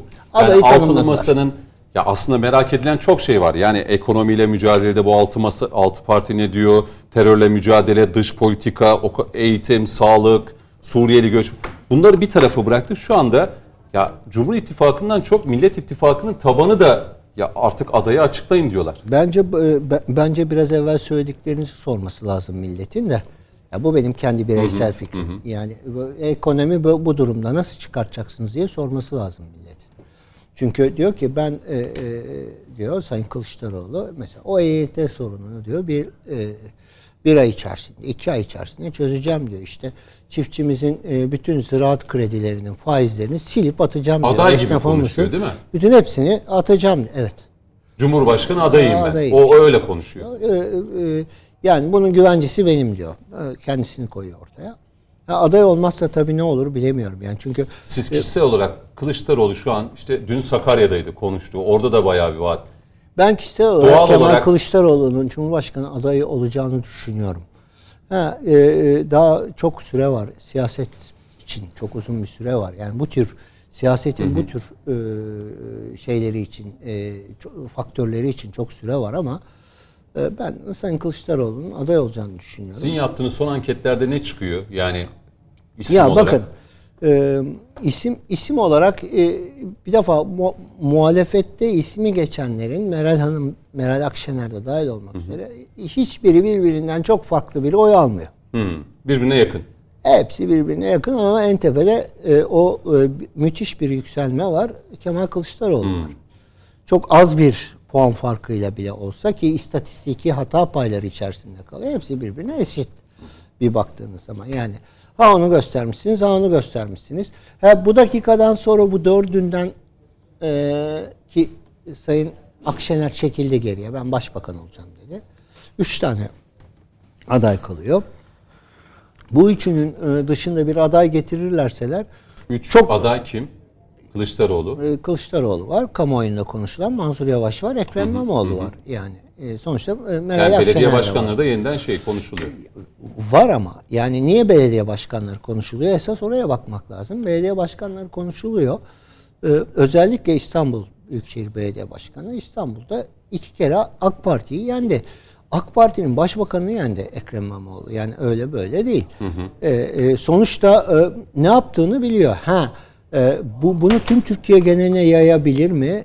E, e, işte o orada. Önceki gün avcılarda meydana gelen bir metrobüs kazası vardı. O gün hem Sayın Akşener'le hem de Sayın Davutoğlu'yla görüşmüş Sayın İmamoğlu. Ee, Bu görüşmeler işte yeniden sanki aday olunca şimdi bir destek şey, mi? bir şey diyeceğim de birazcık şey katayım yani böyle siyasetin içerisine. Çiğli Belediye Başkanı da e, e, bü- bü- bü- bütün e, AK Parti ile de görüşüyor, şeyle de görüşüyor. E, Twitter'dan ben çok Aynı gün olması. O gün kaza var. Biliyorsun İstanbul kilitlendi. Trafik Ya yüze şimdi- yakın insan yaralandı orada. Ekrem İmamoğlu Sayın O Başkan kaza- o- gece birde hastanede gördük. ya o kaza çok e, Çok çok, talihsiz bir- tabii, kaza. yani çok Allah'tan hiçbir bir vatandaşımızın kaza hiç canına bir böyle şey gelmedi. siyasetin içine Ama o gün bu bir olduğu şey söylendi. değil. Yani e, İETT şoförü ha, o İETT şoförünün sağlık kontrolleri niye yapılmıyor diye soruyorsanız Yok onu O- demiyorum. o O gün başka bir o şey gün yani. kazaya denk gelen görüşmeyi söylüyorum. Akşener ve Yani- Davutoğlu ile görüştü. Ee, e, gayet normal. Ertesi günde Çengelköy'de açılış yaptılar. e, Sayın Akşener'le Ekrem İmamoğlu. Bunlar gayet normal şeyler. Yani e, ben ben altında bir şey aramıyorum. Ha, Ahmet Davutoğlu ile neden görüştü bunu açıklama yani siz bir gazeteci olarak sorun. Açıklasın niye görüştüğünü bilmiyorum işin açıkçası. Yani bunun altında e, e, ben aday olacağım, beni destekleyin var mı? E, e, bunu bilemiyoruz. E, fakat çok net bir şekilde benim genel başkanım ne derse ben onun neferiyim dedi. Ben ne derse onu yapacağım dedi. Sayın e, İmamoğlu. Bunu söyledi. Doğru söyledi. yani benim partim ve genel başkanım ne derse ben onu yapacağım dedi. He aday değilim. Aday değilim dedi. Dedi bunu. Ama aday gösterirlerseler de bunu da bu, bu tutumu devam ettirmem dedi. Yani bu Yani Kılıçdaroğlu da genel başkanlığa aday değildi ama iki gün sonra aday olduğu Tabii, için tabii. e, siyasette her an her şey. Siyasette o zaman şöyle, şu- şey. şöyle bitireyim Sayın Metre'ye döneceğim. Yani Kılıçdaroğlu'nun e, altılı masanın ira- ya bu masayı kuran Kılıçdaroğlu ama e, masadakiler Kılıçdaroğlu'nun adaylığına sıcak bakmazken bir HDP e, durumu da var. Belki ona gireceğiz. Cüneyt E, Bey bir bu- tanesini söyleyin sıcak bakmaya ya. Ya bir haksızlık etmeyelim her şeyi. Ama genel şey- bizim gör- biz mi yanlış görüyoruz ya da yanlış hissediyoruz? Yani- Yani, O- şimdi İyi Parti'den bir isim çıktı. Sayın Kılıçdaroğlu'nun mezhebiyle alakalı bir açıklama yaptı. Sonra e, Burak Avuncu çıktı. Mansur Yavaş ismini dile getirdi. O yüzden yani sanki İyi Ama Parti'de bunlar aynı partiler değiller ki. tamam İyi Parti'de sanki Kılıçdaroğlu'nun adaylığı istenmiyormuş gibi biz bir hava seziniyoruz. Bilmiyorum. Birazdan diğer konuklarıma da soracağım. Siz bu hissiyatta mısınız yoksa Vallahi e, e, e, ben bu hissiyatta değilim. Bu bir. E, ve vatandaş kim olursa olsun yani Sayın Kılıçdaroğlu'nun nezdinde söylemiyorum. Kim olursa olsun e, Sayın Recep Tayyip Erdoğan'ın karşısına bir genel başkan çıkmasını istiyor. Yüzde seksenlerde bu oran. Belediye Yani başkanından çok genel başkan. Kriterlerden bir tanesi bu. Hani söylüyorlar ya Cumhur Cumhurbaşkanlığı Kriter. kriterlerinden Evet. e, kriterlerinden bir tanesi bu. Ve bu e, e, AK Parti'nin oyunun veya bu ittifakın oyunun çok daha üzerinde bu yüzde seksen oranı. Bir yani. sıkıştırıcı soru daha yönelteyim ondan sonra Metin'e döneyim. Ya kamuoyu araştırmacısı olduğunuz için. İyi Parti ile CHP arasında adaylık konusunda e, çok kamuoyunun nezdinde gözükmeyen ama arka planda bir mücadelenin ki siyaset rekabet işi olduğunu ben öyle görüyorum. Bakın. Şahsen kişisel kanaatim bu. Şimdi size bir şu- şunu söyleyebilirim. Yine bir araştırma Tabii. sonucu. Ben parti reytinglerine girmiyorum. Araştırma sonuçları her ay araştırma yapıyoruz. Daha geçen ay yaptığım araştırmada vatandaşa sormuşuz. E, İşte altılı masanın Cumhurbaşkanı e, Adayı kim olmalı? Aday, adayını açıklamaması e, size rahatsızlık yaratıyor mu diye yaratmıyor mu diye yaratmıyor diyenlerin oranı yüzde altmışlarda yani e, ha ne yaratıyor ne yaratmıyor diyenler işte bir yüzde yirmi beş otuz civarında geri kalanında yaratıyor diyenler. E bir bakıyorsunuz o yaratıyor diyenler ve ne yaratıyor ne yaratmıyor diyenler e, e, çok büyük bir kısmı zaten e, iktidara oy veren kesim. Yani esasında yani kendi- Millet İttifakı tabanı durumdan çok da rahatsız değil. e, ta- tabanları çok rahatsız değil ama Millet İttifakı'nın geçen seçime göre kazanabilmesi için rakibinden oy alması lazım. O rahatsız olan kısmı da ikna etmesi lazım yani. E, bu da siyaset. Siyaset e, e, bilmenin almaz mı birazdan alanına soracağım. e, siyaset biliminin alanına giriyor. E, siyaset bilimi. Ama şu önemli sizin söylediğinizden şunu çıkarıyorum. Kılıçdaroğlu aday, aday olacak. olma olasılığı en yüksek, en yüksek. kişi Peki. bana göre. Şimdi Sayın Metiner size döneyim. Ee, aslında Sayın Sarı'nın söyledikleri üzerinden devam edelim. Olur. Yani Önce Sayın Akşener'in e, Sayın Kılıçdaroğlu'na yönelik sözlerinin satır aralarını tabii ki. bir okuyalım. Demek istediği şey şu. Ben bir siyasetçiyim. Bir siyasetçi bir diğer siyasetçinin satır aralarını okumasını gayet iyi bilir. Sayın Akşener'in Kılıçdaroğlu'na dair söylediği şey şu. Söylemek istediği şey şu. Evet, Sayın Kılıçdaroğlu'nun ismine hiçbir itirazımız olmaz. Zaten itirazımız olsa aynı masada oturamayız. Evet. Bu bir nezaket gereği söylenmiş bir sözdür ama Kemal Kılıçdaroğlu seçimi kazanabileceğimize de inanmıyoruz. Risk var. Riske, riske atamayız. Ama bunu Kemal Kılıçdaroğlu ile seçimi kazanamayacağımız şeklinde söylemiyor. Riskli bir seçim dolayısıyla e, kazanabileceğimiz bir seçimde. Ama Kemal Bey'in de ismine itirazımız yok. Şimdi bu cümleleri yan yana getirdiğinizde söylenen şeyin şu olduğu çok net. Yani Kemal Bey'i severiz, sayarız. Kemal Bey'in ismine asla bir itirazımız yok. Ama Kemal Bey ile seçimi kazanabileceğimize inanmıyoruz. Veya bir başka deyişle evet Kemal Bey adayı gösterebiliriz Altılı Masa'nın diğer bileşenleri olarak ama İyi Parti'nin sosyolojisi Kemal Bey büyük ölçüde oy vermez. Belki de üst düzey yöneticileri kendi eşlerine, annelerine, babalarına bile söz geçiremezler. Bunun nedenlerini zımnen bazen açıktan kendileri izah ettiler. Bana göre çok yanlış bir şey. İnsanların etnisite sözlerinden, mezhebi aidiyetleri hatta dinsel aidiyetler üzerinden yandaşlık, karşıtlık, husumet bunlar benim tasvip ettiğim şeyler değil ama zaten İyi Parti'nin yetkilileri, İyi Parti'nin siyasi temsilcileri bunu e, ağızlarından kaçırdılar. Bilinç altlarındaki şeyi kaçırdılar. Şimdi ben de e, Murat Sarı gibi düşünüyorum. Bence de en doğru aday Sayın Kılıçdaroğlu'dur. Çünkü Ana Muhalefet Partisi'nin genel başkanıdır. E, kendisini sınaması gerekiyor.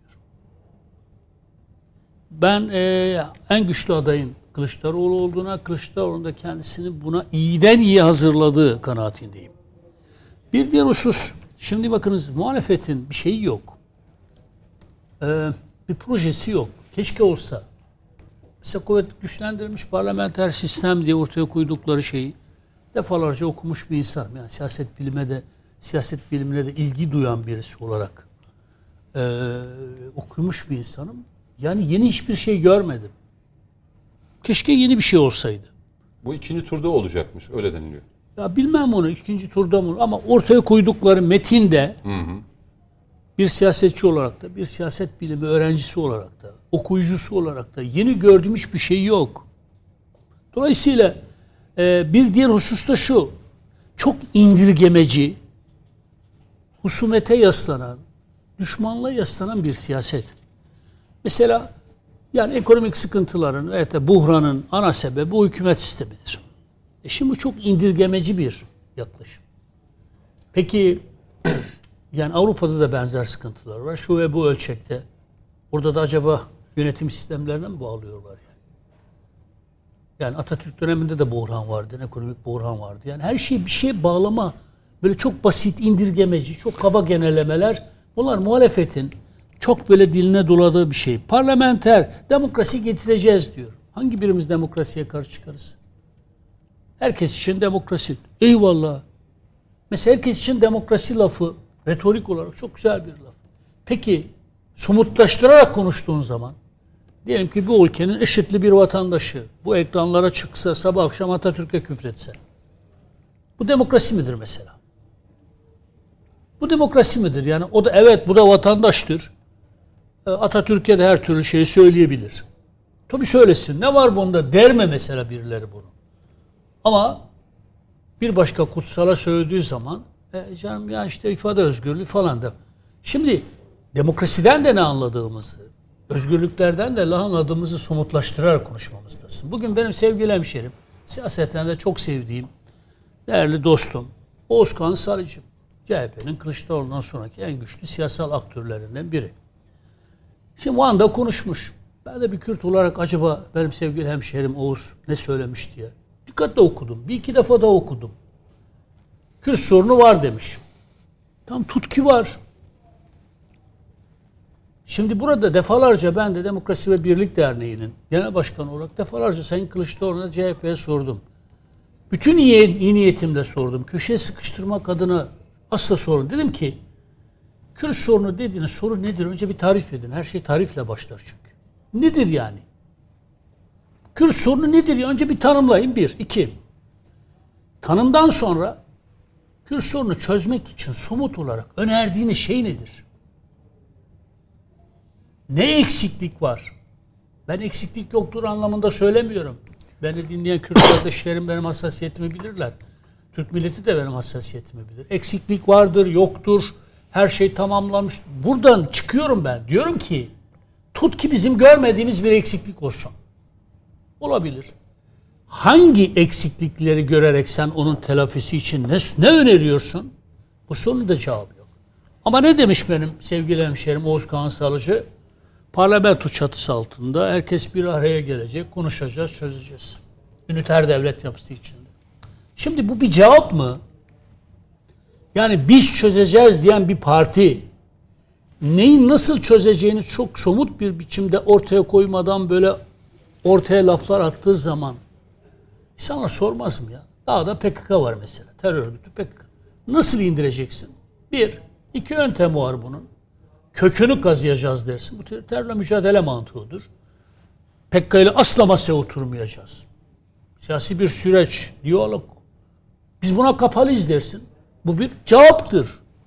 Veya hayır bugüne kadarki terörle mücadeleyle bu işin bitirilemeyeceğini gördüğümüz için demokratik diyalog kanallarına. PKK, PKK'nın temsilcileri bir masada oturacağız, konuşacağız, çözeceğiz. Bu da bir cevaptır. Şimdi CHP'nin bu erki bu konuda verdiği bir cevabı da yok. Diyorsun ki ya dağda var. Bu insanları nasıl indireceksin? Ve de indirmeyi düşünüyor musun? Peki Kürt meselesi PKK'dan bağımsız bir mesele olarak düşünelim. Çünkü orada bir terör boyutu var. Burada da etnisiteyle alakalı, kimlikle alakalı bir takım sorunsal alanlar var. Peki bu alanları nasıl temizleyeceksin? Bunun parlamentoyla ne alakası var? Diyelim ki parlamentodaki partilerin hiçbirisi bu teklife yanaşmadılar. Sen CHP olarak, somut olarak bir şey ortaya koymayacak mısın? Böyle bir sorun var. Ben bu sorunu çözmek için şunu öneriyorum. Biz bunu bekliyoruz. Bakınız. Hayır hiçbir şey önermiyor. Önerdikleri şu. HDP ile bu mevzuyu çözecek. Tamam çözsünler. Ona da hiçbir Hı-hı. itirazım yok. HDP şu an kapatılmadı sürece. Biz ne dersek diyelim parlamentoda grubu bulunan bir parti. HDP ile neyi nasıl çözeceklerini de bize anlatsınlar. HDP mesela demokratik özellik diyor. Tabi demokrasi işin şey yani silahlı bir güç var arkanızda. silahlı bir güçle Parti meclis üyesi de aynı şeyi e, söylüyor. yani bir demokratik özellik olur mu ya? Silahları aradan çekersiniz. Bakınız bizim teklifimiz o. Yani Demokrasi ve Birlik Derneği'nin genel başkanı olarak bu ülkenin Türkiye'nin Kürdü olan birisi olarak diyorum. PKK silahlarını aradan çeksin. Kürt halkını önce bir özgür iradesiyle baş başa bırakalım. Tamam kendi kendini yönetmesini mi istiyorsunuz? Bir silahlar çıksın aradan bakalım. Yani silahlı bir güç var. Tehdit ediyor. Kürt iradesini baskılıyor. E sen kalkıyorsun o terör örgütüne, Kürt halkının iradesini e, baskılayan terör örgütüne hiçbir laf etmeden üstelik sırtını ona da dayayarak demokratik özellik talep ediyorsun. Bir defa kına canım. CHP olarak bir defa kına, HDP olarak bir defa kına. Tabii. Hayır ben CHP'nin HDP ile aynı masaya oturup çözmesine de karşı değilim. İki partidir. Her ikisi de şu an e, parlamentoda olan partilerdir. Dolayısıyla peki ne ne konuşacaksınız ya? Bir söyleyin yani. Şu soru yöneltsem. Mesela ana dilde eğitim mi istiyorsunuz? Özellik mi istiyorsunuz? CHP soruyorum. Ne nedir? Ana dilde eğitim istiyorsanız bakınız karşı olduğum için söylemiyorum. Sadece anlamaya dönük sorular soruyorum. Ana dil eğitimiyle, ana dilin eğitimiyle, ana dilde eğitim farklı şeylerdir. Birisi Parti meclis çıksın. üyesi bunları söyledi Diyarbakır'da Bakınız- bu söylediklerinize. Bakınız birisi çıksın bize desin ki ya ben ana dilde eğitim istiyorum ama şu şekilde istiyorum. Evet. Somut. Desin ama somut bir şey söylesin. Ete kemiğe bürünsün Veyahut da. Ana dilin eğitimini istiyorum. Bakınız biz Demokrasi ve Birlik Derneği olarak bütün bunları inşallah e, Ekim ayının sonunda bir aksilik olmazsa Türkiye Kürtleri ne istiyor e, başlığı altında geniş bir şeyle bir sempozyumla konuşacağız, tartışacağız. Bölge halkının da taleplerini gündemleştireceğiz ve oturup bunu rapora dönüştüreceğiz. Çok somut öneriler de sunacağız. Ya böyle eksiklikler var, yanlışlıklar var, çözüm yolları budur diye. Kabul edilir edilmez. Siyasi iktidarın e, şeyine sunacağız. Ama CHP bu konuda bize hiçbir şey söylemiyor. HDP ile oturup çözeceğiz. Peki otur da nasıl çözeceksin ya benim senin somut önerilerini bilmeye hakkım yok mu? Onu da söylemiyor. Gürsel Tekin olayında bakınız. Çelişkili duruma bakınız. Velev ki Gürsel Tekin baştan sona yanlış bir şey söylemiş olsun. Ama sonuçta bir görüş ortaya koydu. Peki parti sözcüsü ne dedi? Biz Gürsel Tekin'in dediklerine katılmıyoruz. Kişisel düşüncesidir. Peki sen ne diyorsun bu konuda? Tamam. Gürsel Tekin'inki kişisel düşüncesi olsun. Peki sen ne diyorsun parti olarak, kurumsal olarak ne diyorsun? HDP'ye bakımlık verilmesinden yana mısın değil misin? Veyahut da HDP ile HDP'yi kendisiyle ittifak edilebilir bir parti olarak görüyor musun, görmüyor musun? Bu sorunun cevabını ver ya sen bir koskoca bir partisin yani. Değil mi Murat Bey? Ya mesela bu sorulara cevap vermiyor CHP. Yani her şey e, dağıtacağım diyor. Borçları sileceğim. Tamam diyebilirsin bunu. Yani Anadolu'da da e, Türk atasözleri için çok güzel bir söz vardır. Bekara Karı boşamak kolay kolay demem de Yok. hatun boşamak çok kolaydır derler de. Evet. E, Coşkun bir- Başbuğ kadın demişti. Şimdi e, hatun diyelim biz hanım Mehmet diyelim. abi Anadolu'da Anadolu insanı böyle söyler. Onun için söylüyorum. e, biz karı demeyelim gene de yani.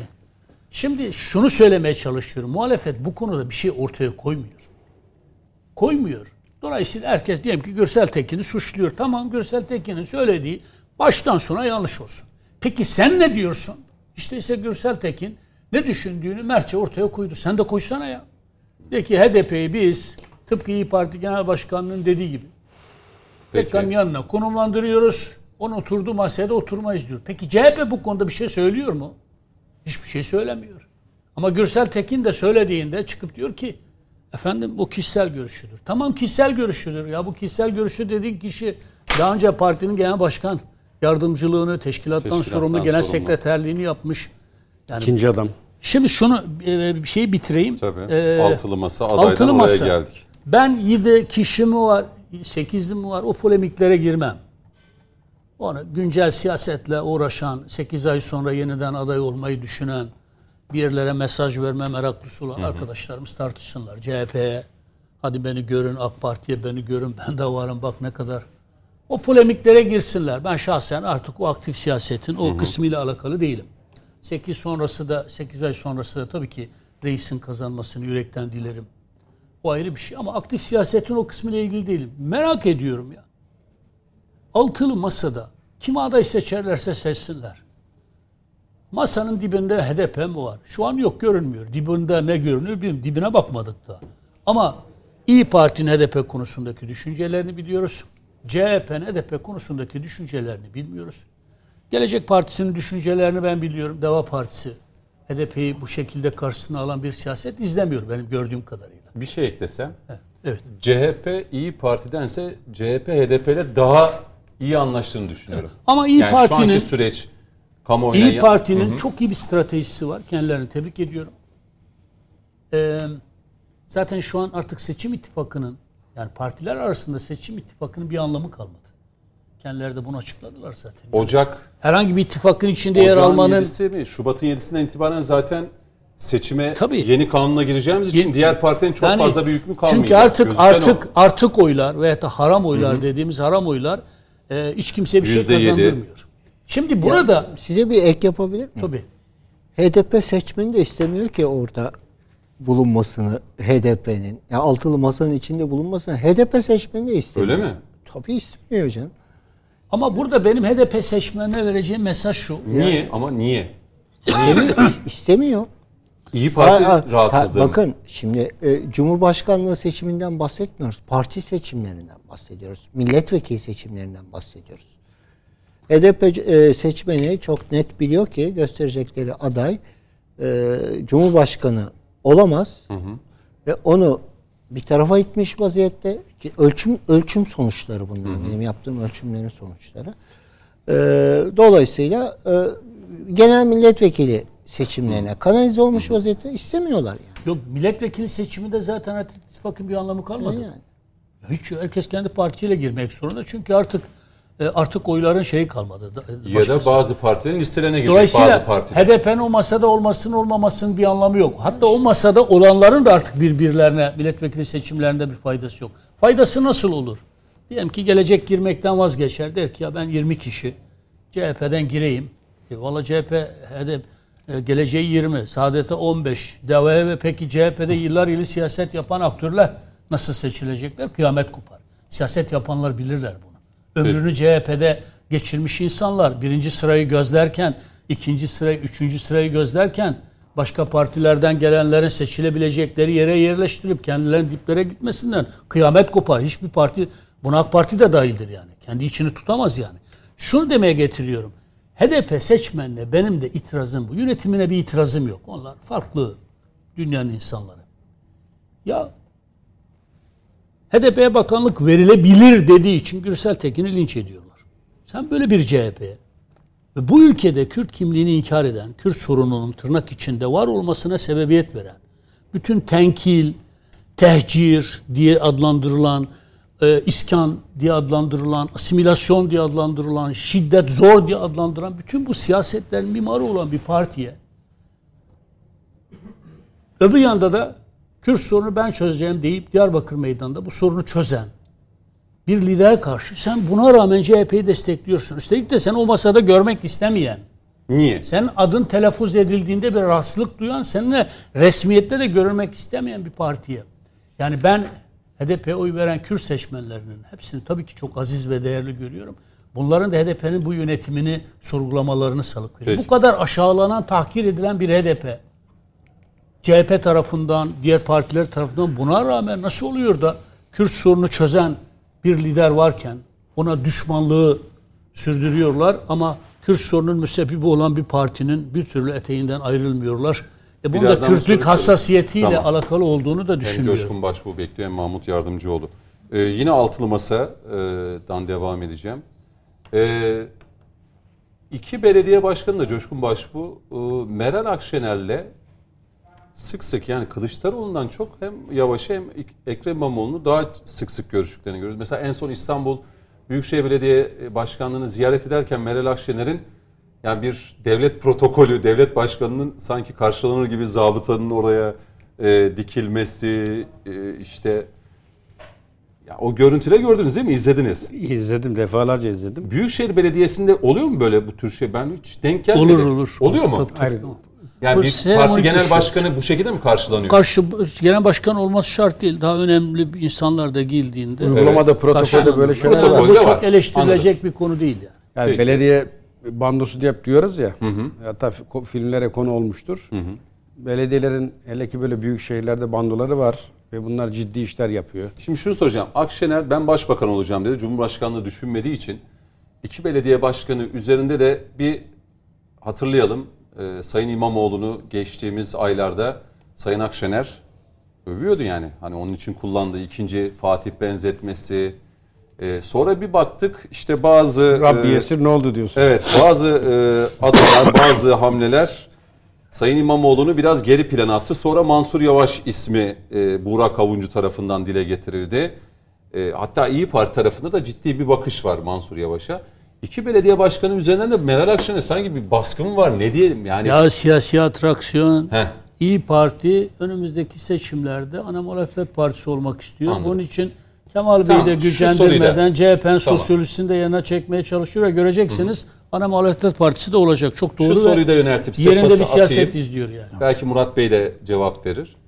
Ee, sanki Yavaş ve e, e, Sayın İmamoğlu e, dile getirdiği için dedikodular kulislerde İyi Parti'ye e, istifa edip evet o şekilde bunu da dillendirenler var. Buyurun. Şöyle e, gerçekten masanın şu an gidişini çözmek e, uzmanlık istiyor. Çünkü ilk kurulduğu andan bugüne oku, öylesine fırtınalar yaşadık ki hatırla asla bu masadan e, parti genel başkanından bir aday çıkmayacak dendi. İlk söyleme öyleydi. O zaman kimi tartıştı? Bu masadan değil. Ondan sonra Yine bu masadan dediğiniz için o yüzden. ondan sonra Ama bu masadan siyasetçi çıkacak yani Coşkun kardeşim inşallah 2023 Sağ olun. seçimlerinde parlamentoda olacak. Estağfurullah Metin abi, Mehmet abi. Şeyde o senin güzelliğin de e, bu söylemle başladı hikaye. Ardından bir anda belediye başkanlığını konuştuk. Ki benim baştan sona hep söylediğim şuydu. Yani Millet İttifakı da kurulmadan önce de İmamoğlu bir projedir. İmamoğlu e, Sayın Erdoğan'a bir rakip, bir aday olarak hazırlanıyor e, diye çok defa dillendirdim. Ve aslında süreç öyle de işledi. İlerledi de İmamoğlu e, kıymetini bilemedi. Yani çok hoyratça harcadı o gelen fırsatları. Ve İmamoğlu'nun bana göre şu an e, şansı kalmadı. E, Murat Hocam güzel ifade etti. Kim istemez ki dedi. Hakikaten kim istemez ki aday gösterilmeyi. Geçen gün Ersan Şen Hoca buradaydı. O da mı Yayındaydı. Tabii yani soruldu. Ee, yani halkın teveccühü yani teveccühü olursa neden olmasın? Yani bu e, Bence Ersan Hoca'yı anketlere sokun. Eğer diğer adaylardan daha fazla Evet çıkmasa Murat Bey bence bilmiyorum. yani Ersan Hoca öyle dile Açık getirdi. uçlu sorumuz var canım. Yani kimi, Var mı Ersan Hoca'nın ismi geçiyor mu? yani e, şimdi onu söyleyemem de e, kimi Cumhurbaşkanı görmek Ama isterseniz herkesin Cumhurbaşkanı nokta, nokta, olamaz. nokta, Tek nokta, kusuru nokta. bu. Ersan Şen çıktı mı Murat Bey? için? Yani. şimdi şöyle Murat Bey'den bugün cevap almak Eski Hayır bunlar şimdi bak e, pardon. estağfurullah. çok kısa. Çok, çok kısa yani bunlar e, e, be- benim ticari sırlarım yani. tamam. Ben- ben- Niye söylüyorsun? Ersan'ın e, propagandasını yapalım. Biraz, biraz da kibri artsın. Ersan, Ersan hocam iyidir. Peki. Ben Ersan Hocam, Ersan de- Hoca'ya da sevgilerimizi gönderelim yani biz de. E, Ersan Hocam'ın şahsına değil de benim Ersan yanlış anlamayasın. Bak sen reklamını yapıyorsun. Sonra arkandan konuştu diye bu abeyle kopartmayasın. Şöyle benim sözlerim Ersan Hoca'ya değil. Yani genel bakıyorum. Şimdi eski sistemde olsa hani kukla cumhurbaşkanı, göstermelik cumhurbaşkanı hani kim olursa olsun oraya e, kafada vicdanda oturur. Fakat bu yeni sistemde aktif, önde, siyaseti bilen, devlet yönetmeyi bilen, tecrübesi olan bir isim konuşulduğu için bana göre bu iş öyle hafife alınmamalı. Şimdi Sakarya Meydan Muharebesi'nin Sakarya'da olduğunu söyleyen biriyle Kim söyledi onu? Kılıçdaroğlu Sakarya Doğru Meydan. Muhaberesi Adıyaman'da yapılmadı mı? ne zaman Sakarya'da yapıldı? Tarihe birazdan gireceğiz. Bence çok şey yapmayalım. Şimdi Polatlı'da diyelim düzeltelim. He, şöyle Ankara Polatlı'da. hayır öyle diyenler var diyorum. Ben öyle söyledi diye Tabii yani- şey, öyledir diye söylemiyorum. Şimdi Bilmemek ayıp değil, öğrenmemek ayıp. ama bir dakika. Şimdi ben vatandaşım ve direksiyona tutturacağım. Bak İETT otobüslerini konuşuyoruz. Sağlık kontrolü diyor. Ee, bence ehliyet sınavında nasıl her yerden geçiriyorsak psikolojik test dahil devletin başına oturacağın kişiyi de birçok testten geçirerek oraya e, oturtturman gerekir. Ki Cumhuriyet tarihi bu. Yakın tarih. Yani Heh. uzak tarih de değil. Öyle dediğin gibi 300 sene öncesi de değil. İşte öyle olunca da e, Tunç Soyerler çıkıyor. işte Kılıçdaroğulları çıkıyor. Tarihi bambaşka yerlere getiriyorlar. Her şey allak bullak oluyor masa gibi. E, masada da allak bullak oldu her şey. Belediye başkanı dendi. İmamoğlu dendi. Az önce ifade ettim. Benim nezdimde projeydi. harcadı. Tükendi o kredi. Bitti. Şimdi bir anda Rabbi Yesir'i unuttuk. Ee, Mansur Yavaş'a meylettik. Hani bir Yıldırım Beyazıt'ta benzetme oraya yapılır mı? Göreceğiz ileride. Bekleyeceğiz. E, Hatta belediye başkanları gündeme geldiğinde Cumhuriyet Halk Partisi ısrarla Sayın Kılıçdaroğlu İmamoğlu'nu aldı yanına. Meydanda belediye başkanımız İstanbul yakışıyor, idare edecek dedi. Hani orada kibarca sallaya silkeleye unutma bak sen belediye başkanısın. Yerim burası demeye getirdi. E şimdi Öztrak diye biri var. E, ona soruldu. Faik Bey. Faik Öztrak, belediye başkanları, başkanlarımız görevlerinin başındadır dedi. Yani yakışan CHP Kılıç- sözcüsü. Evet CHP sözcüsü. Yakışan Kılıçdaroğlu'dur demeye getirdi. Ve e, bana göre de yakışan o. Yani eğer sen parti başkanıysan ve bu işin ana muhalefet masasının ana partisiysen kardeşim sizi bir araya toplayan benim. En çok oy oranı da bende var. Bu iş bana yakışır. O nedenle müsaadenizle desteklerinizi bekliyorum der ortaya çıkarsın. Ama bu baştan beri hiç olmadı. Gitgeller yaşandı. Şimdi en son Meral Akşener'in işte bir takım söylemleri, buna Cumhuriyet Halk Partisi içerisinden gelen tepkiler hala kafalar karışık. Ve bana göre Akşener çok akıllı bir siyaset izliyor. Bakın bir İmamoğlu, bir Mansur Yavaş e, Cumhuriyet Halk Partisi'ni kendi içinde bile üçe böldü Meral Akşener. Bu rakibi, hasmı yumuşatmanın, e, dağıtmanın da bana göre bir Ana yöntemidir. muhalefet olmanın hamleleri mi bu? Oraya doğru giden süreçte en yakın rakibini e, Nedir durum Murat Bey yani o ana, hani İyi Parti ve CHP arasında bazı anketler öyle geldi ki ben gördüm yani hani ismini vermek istemiyorum ama e, İyi Parti %20'nin üzerinde gösteren anketleri gördüm. Yok onlar hep Kamuoyu şişiriyor. araştırmaları. İyi Parti İyi- CHP'ye yaklaştı seçim- diye. seç- seçimden bu yana İyi Parti ne kadar arttıysa CHP de o kadar arttı. Hmm, peki. Hayır o makas ben kapandı demiyorum ha. Sen sözü çarpıtma. Sadece Akşener'in kafasında böyle bir fikir var diyorum. Olabilir, yani doğaldır bu yoksa yani.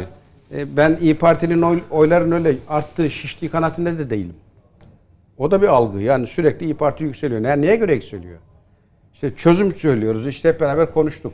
Mehmet abi haklı olarak diyor ki ya çözümü nedir diyor. Söylesene diyor. Ya olmayan şey nasıl söylensin? İkinci turda söylenecek ama.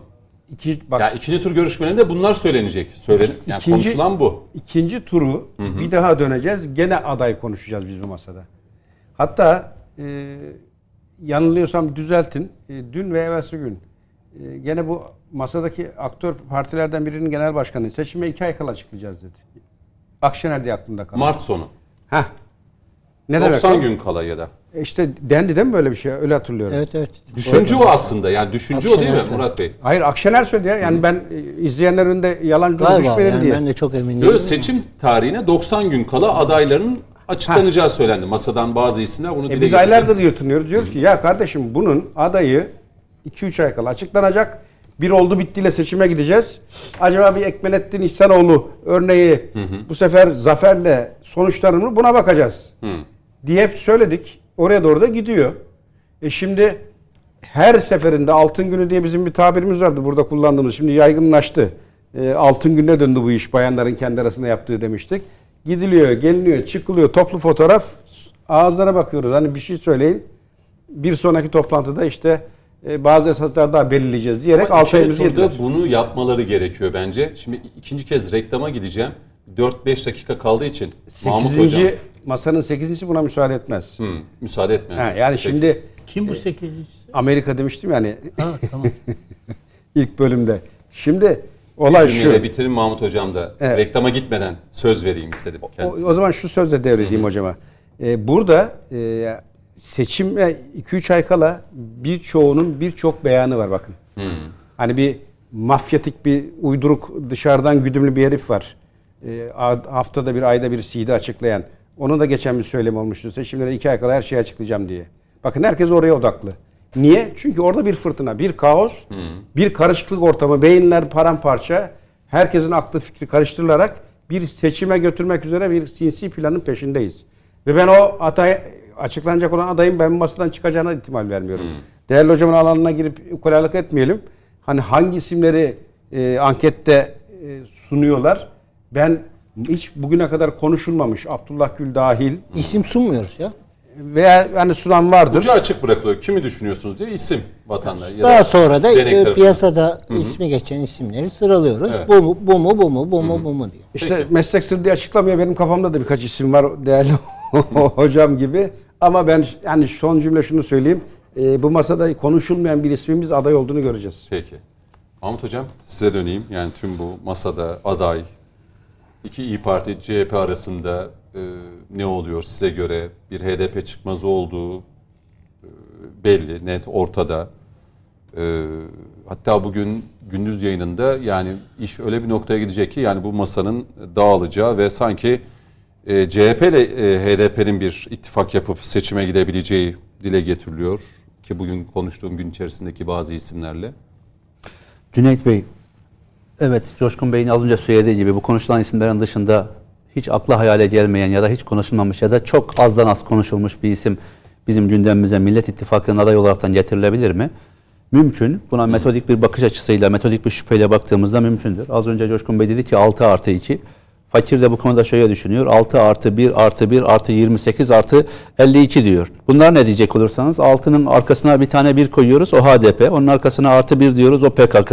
Artı 28 diyoruz Avrupa Birleşik Devletleri. Artı 52 diyoruz Amerika'daki yapının tamamını kastediyoruz. Hani onun bizim tek yapımızı pançik pinçik göstermeye iştahlılar ya. Bu Biz onlar karmaşık yapmayın. Biz hani şimdi vatandaşla izleyicinin de kafası Hayır karışacak. şu anlamda diyorum. Altı Bunlar kendi bir- bildirilerini kendileri yazabilen insanlar da değil. Bildiriyi gönderiyorlar. Bir Avrupa Birliği büyük, Büyükelçisi redakte ediyor. Neden gönderiyor? Bir yazmayı bilmiyorsunuz. İki yazmak istemiyorsunuz. Üç sizin arkanızdaki o artı birin arkasındaki Avrupa Birliği Büyükelçileri ve bir takım Amerikan Büyükelçisi kullanacağınız herhangi bir kelimeden rahatsız olabilir. Dolayısıyla rahatsız olmasın. En uygun kelimeyi buyurun siz yazın tarzında bir yaklaşım söz konusu. Şimdi az önce Mehmet Bey de şöyle bir şey söyledi. İyi Parti'nin ben ana muhalefet olacağını düşünüyorum. Ben Mehmet abiye katılmıyorum. İyi Parti ana muhalefet olabilirdi. Ne zaman olabilirdi? Gürsel Tekin HDP'ye bende geri vites yok diyor. Halbuki o V harfiyle olmalıydı esasında. Geri vites olmalıydı. Bende geri vites yok diyor. Ee, geri vites yok bende dediğinde İyi Parti masaya tekmeyi vurup ben bu masadan ayrılıyorum kardeşim benim sizin yanınızda herhangi bir işim yoktur deseydi evet bugün ana muhalefet partisi olabilirdi. Seçimde de çıkabilirdi Mehmet abi ben de böyle düşünüyorum. Lütfen mazur görün. Ondan sonra diğer konuşacağımız e, az önceki sayın konuklarımızın söylediklerinden hareketle e, Cüneyt Bey milletin irfanına güvenmek lazım esasında biliyor musunuz? İrfanı çok farklı idrak ediyor. Bu Anadolu'nun e, Ankara'daki ve İstanbul'daki hadiselere bakışına çok farklı yaklaşıyor.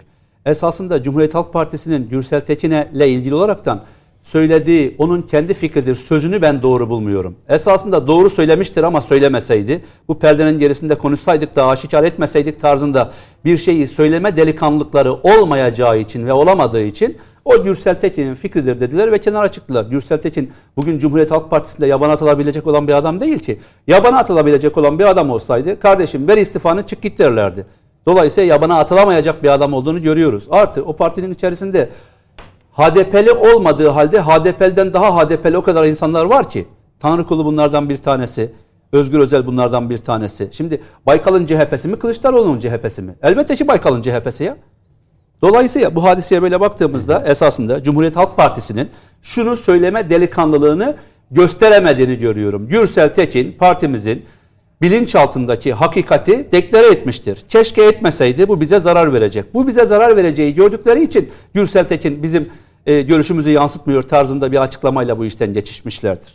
Şimdi diğer bir Bu konu. mesele sanki kapandı mı diyeceğim yani bilmiyorum hani. Yok, kapan- Peşine Soyer gelince biraz Abi kapanmıyor. Niye millet bunu görüyor? Şimdi Alexis Carroll'ın ben üniversite lisans talebeliğim döneminde bir kitabını okumuştum. İnsan denen meçhul diye. İnsan denen meçhul kitabı harikulade bir kitap. Öğrencilerime de öneriyorum. İnsanlar da eğer merak ederlerse bir baksınlar. Çok harika şeyler yazdığını görecekler.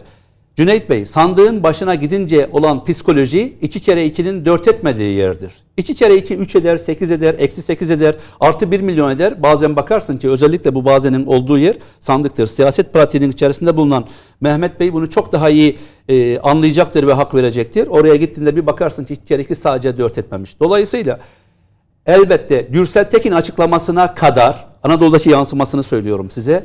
Evet ekonomi birinci sırada problemdi. İşte işsizlik birinci sırada problemdi. Arkadaş bir takım yanlışlar yapılıyor sancıları vardı halkta. CHP'nin bilinçaltını ve perde gerisini görünce o Kürdüm diyen insanlara yapılan zulümleri unutmuş olan insanlar birden Tekrar hatırladılar. Şimdi dün bu HDP denilen parti yokken bu HDP'nin parlamenterleri neyin içerisindeydi? Cumhuriyet Halk Partisi'nin içerisindeydi. Bunlar etle tırnak gibidirler esasında. Şimdi Kemal Kılıçdaroğlu gibi bir insanın ya da altılı masanın içerisinde bulunan bir insanın yine Anadolu bakışını söylüyorum. İki kere ikinin dört etmediği bir yeri söylüyorum. Tayyip Erdoğan'ın karşısında şansı sıfırdır. Neden biliyor musunuz? Yahu bu altılı masanın içerisindeki insanlardan bir tanesi bu milletin değerlerine bir hakkın sahip çıktıklarını bize kaç defa gösterdiler. Bir tanesi şehit cenazesine küfretti.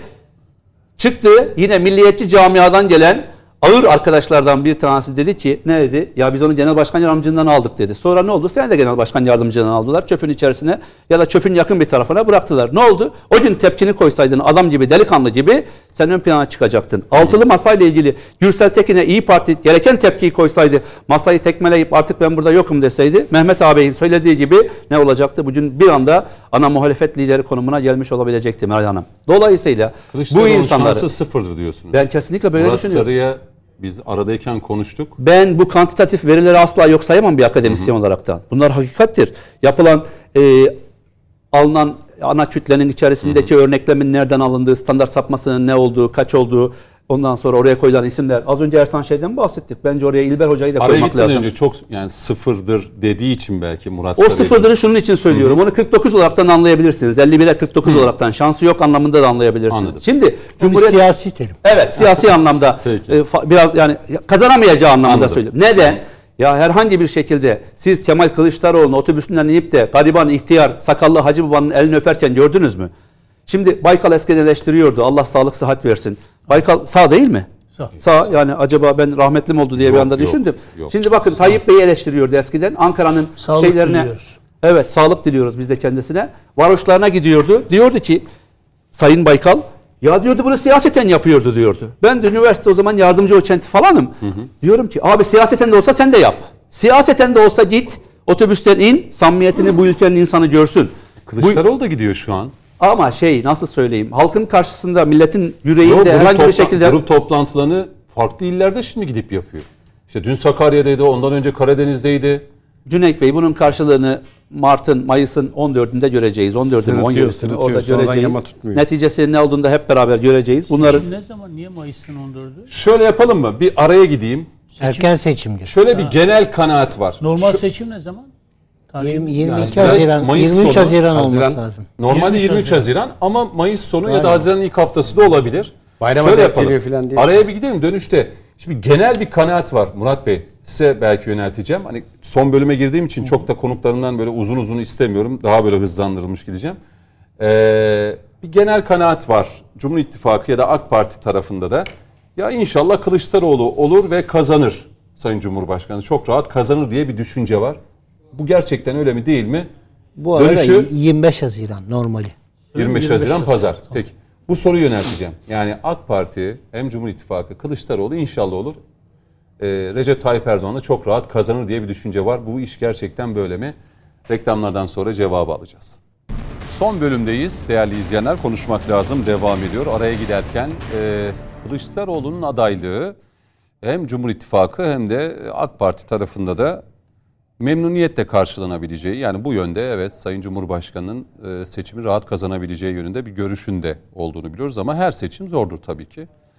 Murat Bey'e dönecektim. Böyle bir düşünce, böyle bir, bir şey var. Bakış açısı var. Yani Kılıçdaroğlu aday olursa Sayın Cumhurbaşkanı rahat hatta ilk turda bile kazanabilir. Muhalefetin e, düşebileceği en büyük hatalar, e, iktidarın düşebileceği en büyük hatalardan bir tanesi kim olursa olsun rakibini bir defa küçümsemeyeceksin. Siyasette öyle küçümsemek diye bir şey yoktur. E, siz böyle söylerseniz emin olun e, Türk seçmeni inadına verir. Yani bunun en güzel örneği Şanlıurfa'da daha sonra e, e, şey milletvekili oldu. AK Parti milletvekili oldu. Şanlıurfa Belediye Başkanlığı'nı Hakkı Baba. kazandı. Eski belediye başkanı. Hakkı Baba. Ee, e, e, ce- ceketimi çıkarsam kazanırım Şanlıurfa'da diye bir söylem çıktı Urfa'da. Ben o zamanlar orayı inceliyordum. O belediye seçimlerinde. Fakı Baba e, Saadet Partisi'nden girdi kazandı. Şimdi bu büyük bir yanlıştır. Şimdi bakın ne yapıyor? Yani İstanbul'u da aynı duygularla kaybettik yani. Bilemiyorum. Ee, İstanbul'da pek ben duymadım. Siz duymuş olabilirsiniz. Yani. E biz parti içinde olduğumuz için. Evet, Senin duymuş olabilirsiniz. Yani kimi koyarsak nasıl seçilir diye. Ee, şimdi e, ne, ne yaptılar? Ee, bir, bir ona bir bakmak lazım. Ee, Kılıçdaroğlu ne yaptı? Bir ona bir bak. Van'a gitti. Van'dan başladı. Meclis tatile girdi. Bir Van'a gitti. Van sokaklarında e, eskiden kolay kolay işte o deprem sırasında ben deprem için gitmiştim. O e, Cumhuriyet Halk Partili heyet de oradaydı. Ve e, ko- kolay dolaşa, dolaşılamıyordu. Yani laf atılıyordu, şu oluyordu, bu oluyordu.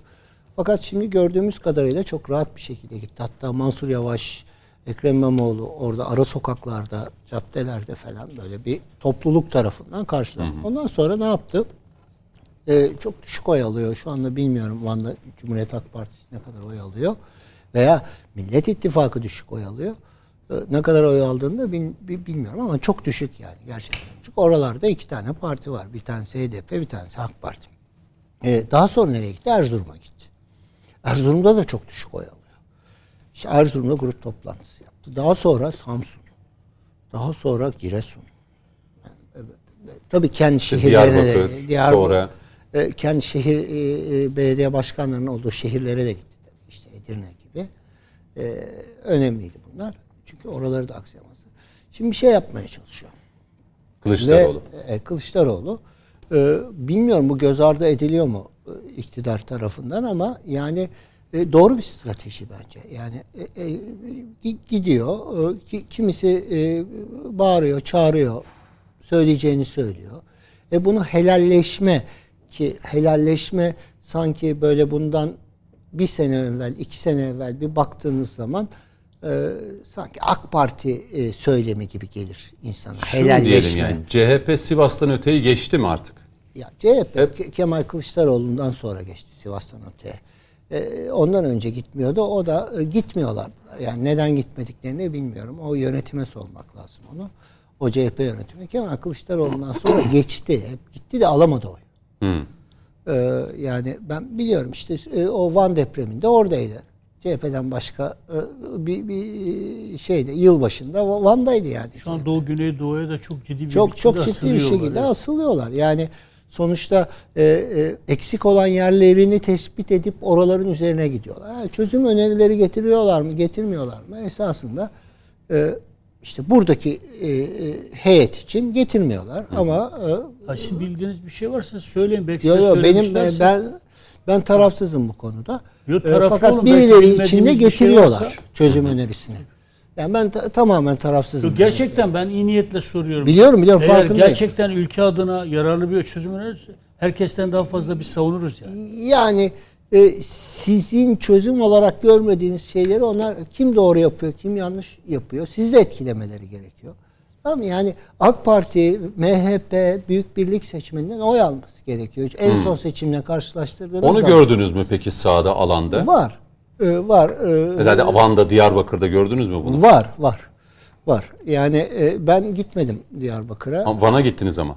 Ee, yok, e, Van'a da gittim. Ha, Van'a Ben da git- gitmediniz ama gitmedim. oradaki- Ha, Ben onlarla beraber gitmedim. O- Şeyle o- gittim. Oralarda Ha, aşiret güçleri var. Bak Murat kardeşim e, lafını kesti. Tabii tabii tabii. Şimdi mesela diyelim Siz ki daha iyi biliyorsunuz onu. şimdi artık AK Parti'de kendisine e, yeni dönemde de yer bulamayacağını gördüğü andan itibaren bakıyorsun CHP geçti.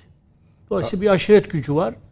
O CHP tabii ki puan kazandırır. Veyahut da e, İyi Parti'ye geçti. Veyahut da Büyük bir Partisi'ne geçiyor. Yani bu tür bir oy için- değişkenlikleri biraz da Doğu Güneydoğu'da benim gördüğüm, kendi ilim de dahil.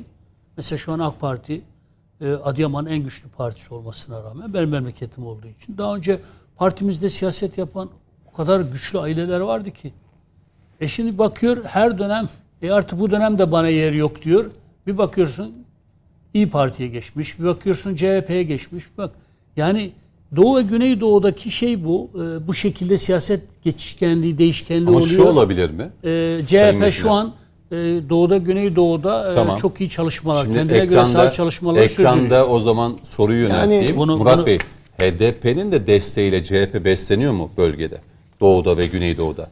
Ya HDP'nin desteğiyle mi değil mi bilmiyorum Hayır, ama neden sordum? Şimdi CHP Parti Meclis üyesi Diyarbakır'da Diyarbakır Kürdistan şehri de dedi. Yani doğru söylememiş. Yani Yani HDP ön açmasa CHP sahada bu kadar Onu çalışmaz. diyorum yani bunun etkisi sadece var mı? Kürdistan şehri demedi. Ben okuduğum kadarıyla takip ediyorum. Türk Kürdistan'ı dedi. Türkiye Kürdistan. Türkiye Kürdistan'ı- Kürdistan dedi. Evet.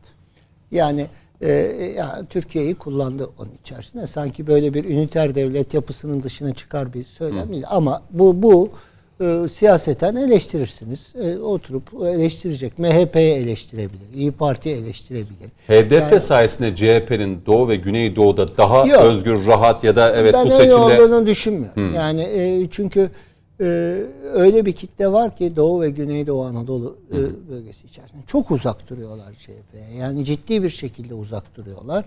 E, hatta tepkisel tepkilerini falan gösteriyorlar.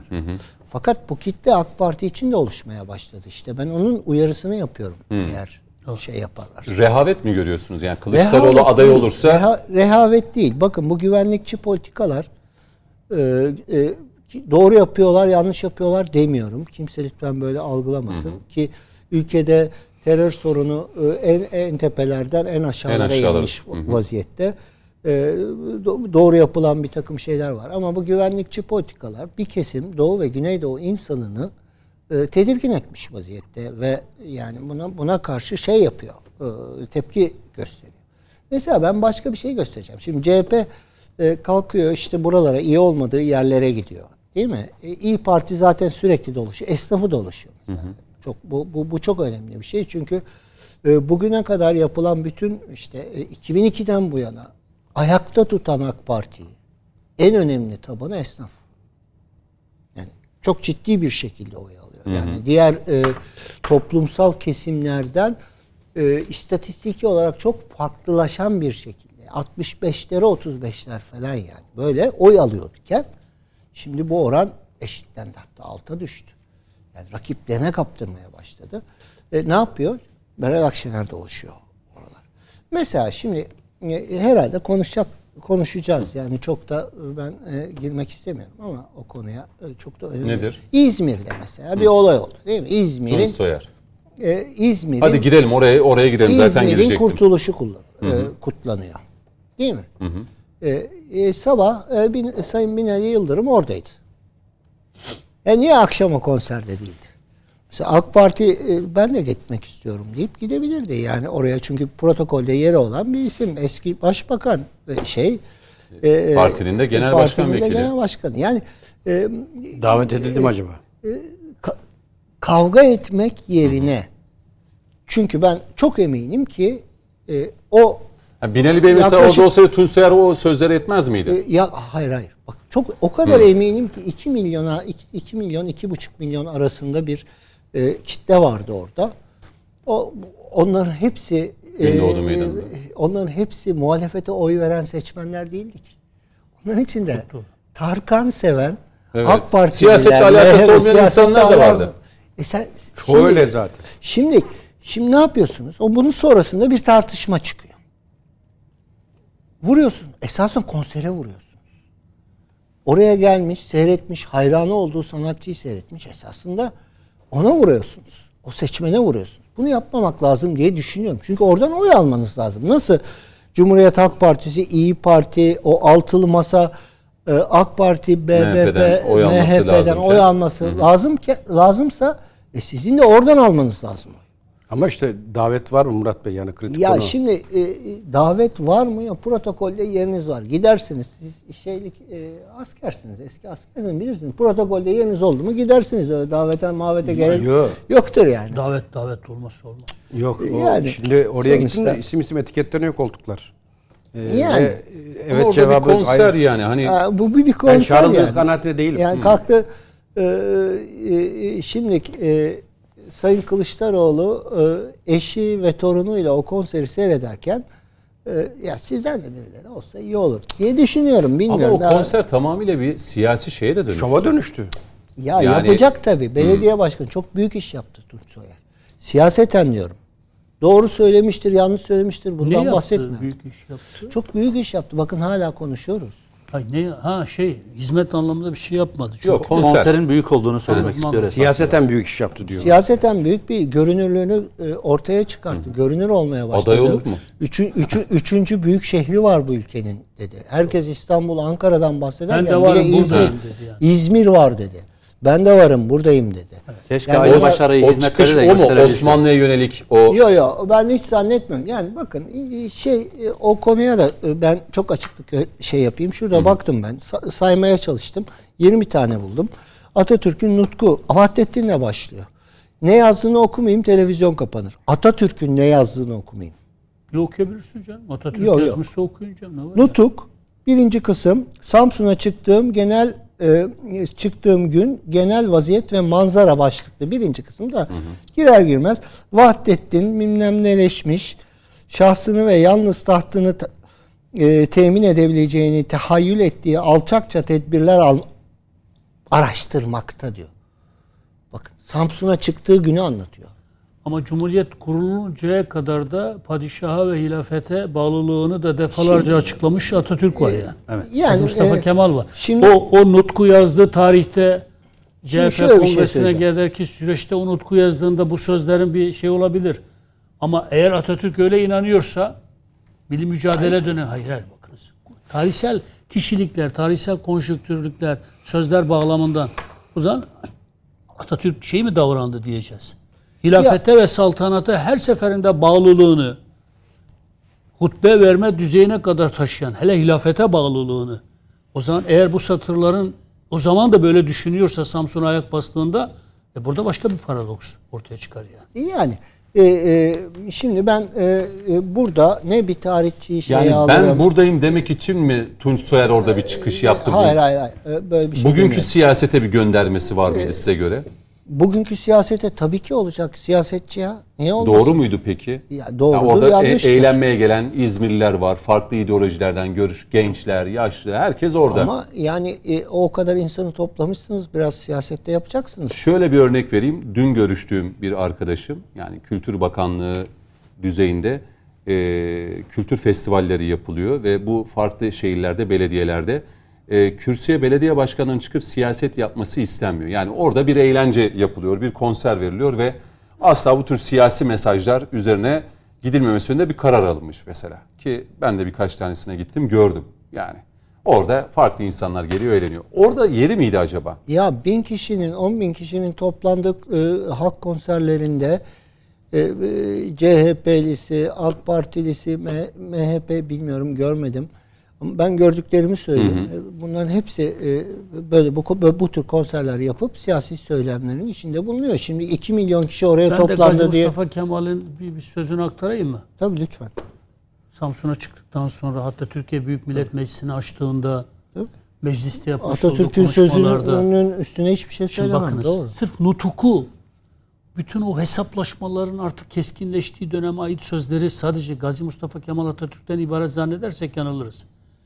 Bakınız burada öyle lafları var ki genel kurulda mecliste yapmış oldu. Hatta meclisin açılış konuşması da dahil.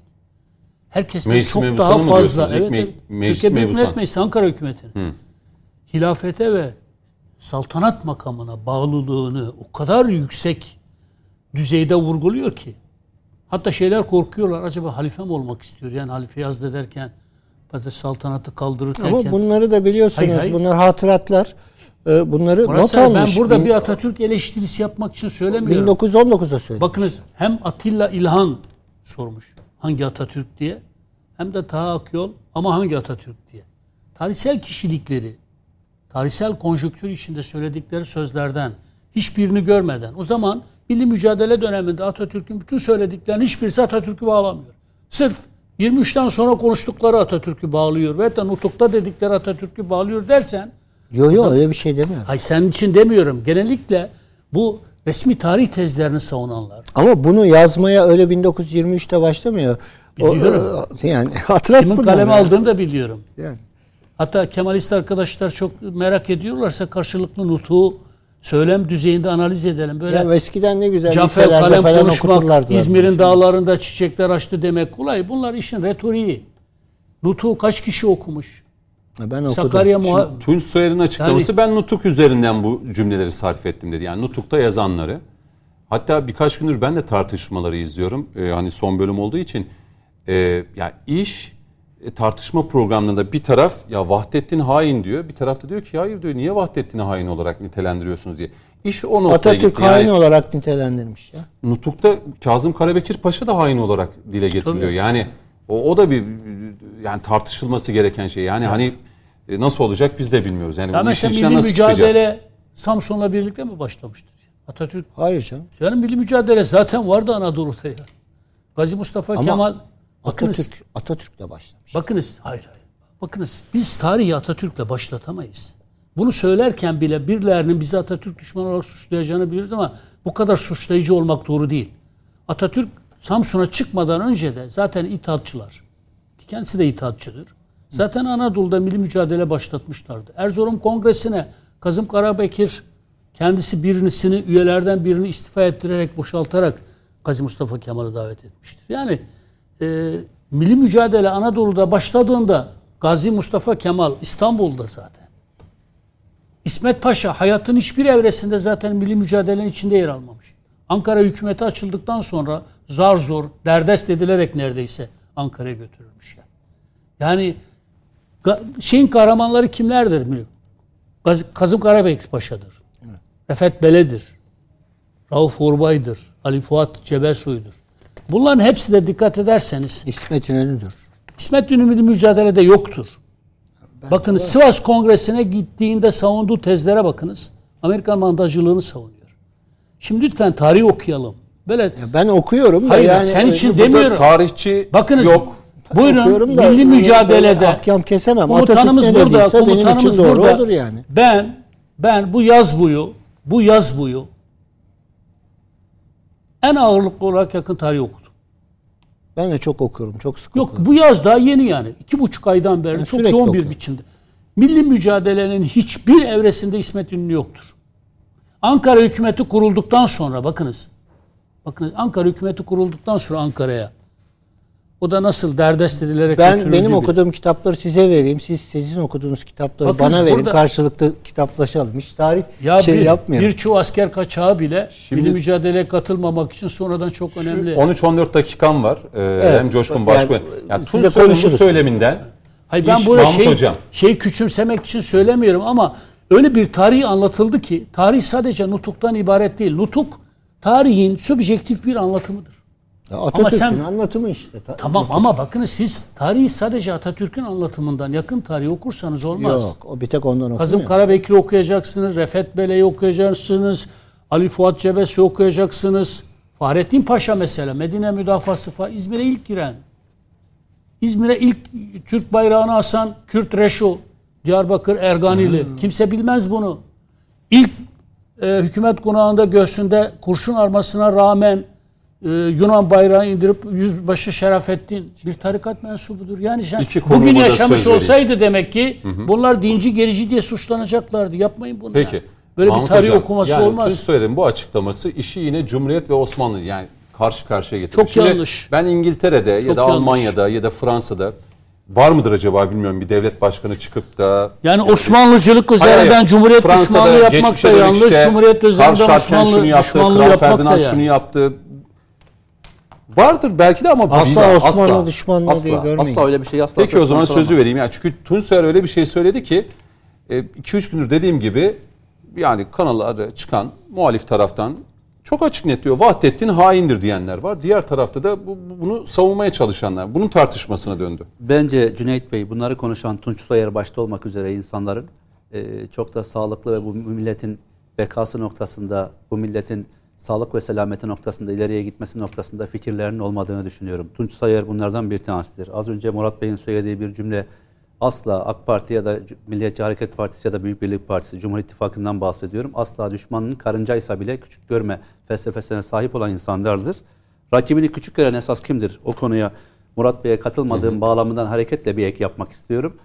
Ee, HDP şöyle bir şey demişti ya. Bizim oylarımızla siz seçimi kazandınız kardeşim demişti. Bu ne demektir biliyor musunuz? Bu okuma şöyle okunması gereken. Murat Bey'in söylediği bağlamda değil de ya siz nesiniz ki biz varsak siz varsınız diye Millet İttifakı'nı küçülmekten, küçültmekten ve küçük görmekten başka bir şey değildir. Esas küçük gören o anlamda Cumhur İttifakı değildir bence. Ee, Millet İttifakı'nın destekçisi PKK'nın silahlı gor, e, kolunun PKK dediğimiz silahlı yapının e, güler yüzlü hali, demokrat hali, makyajlanmış hali olan HDP'dir esasında o yapıyı küçük görenler. Buna ek yaptıktan sonra Başka bir şeye daha değinmek istiyorum.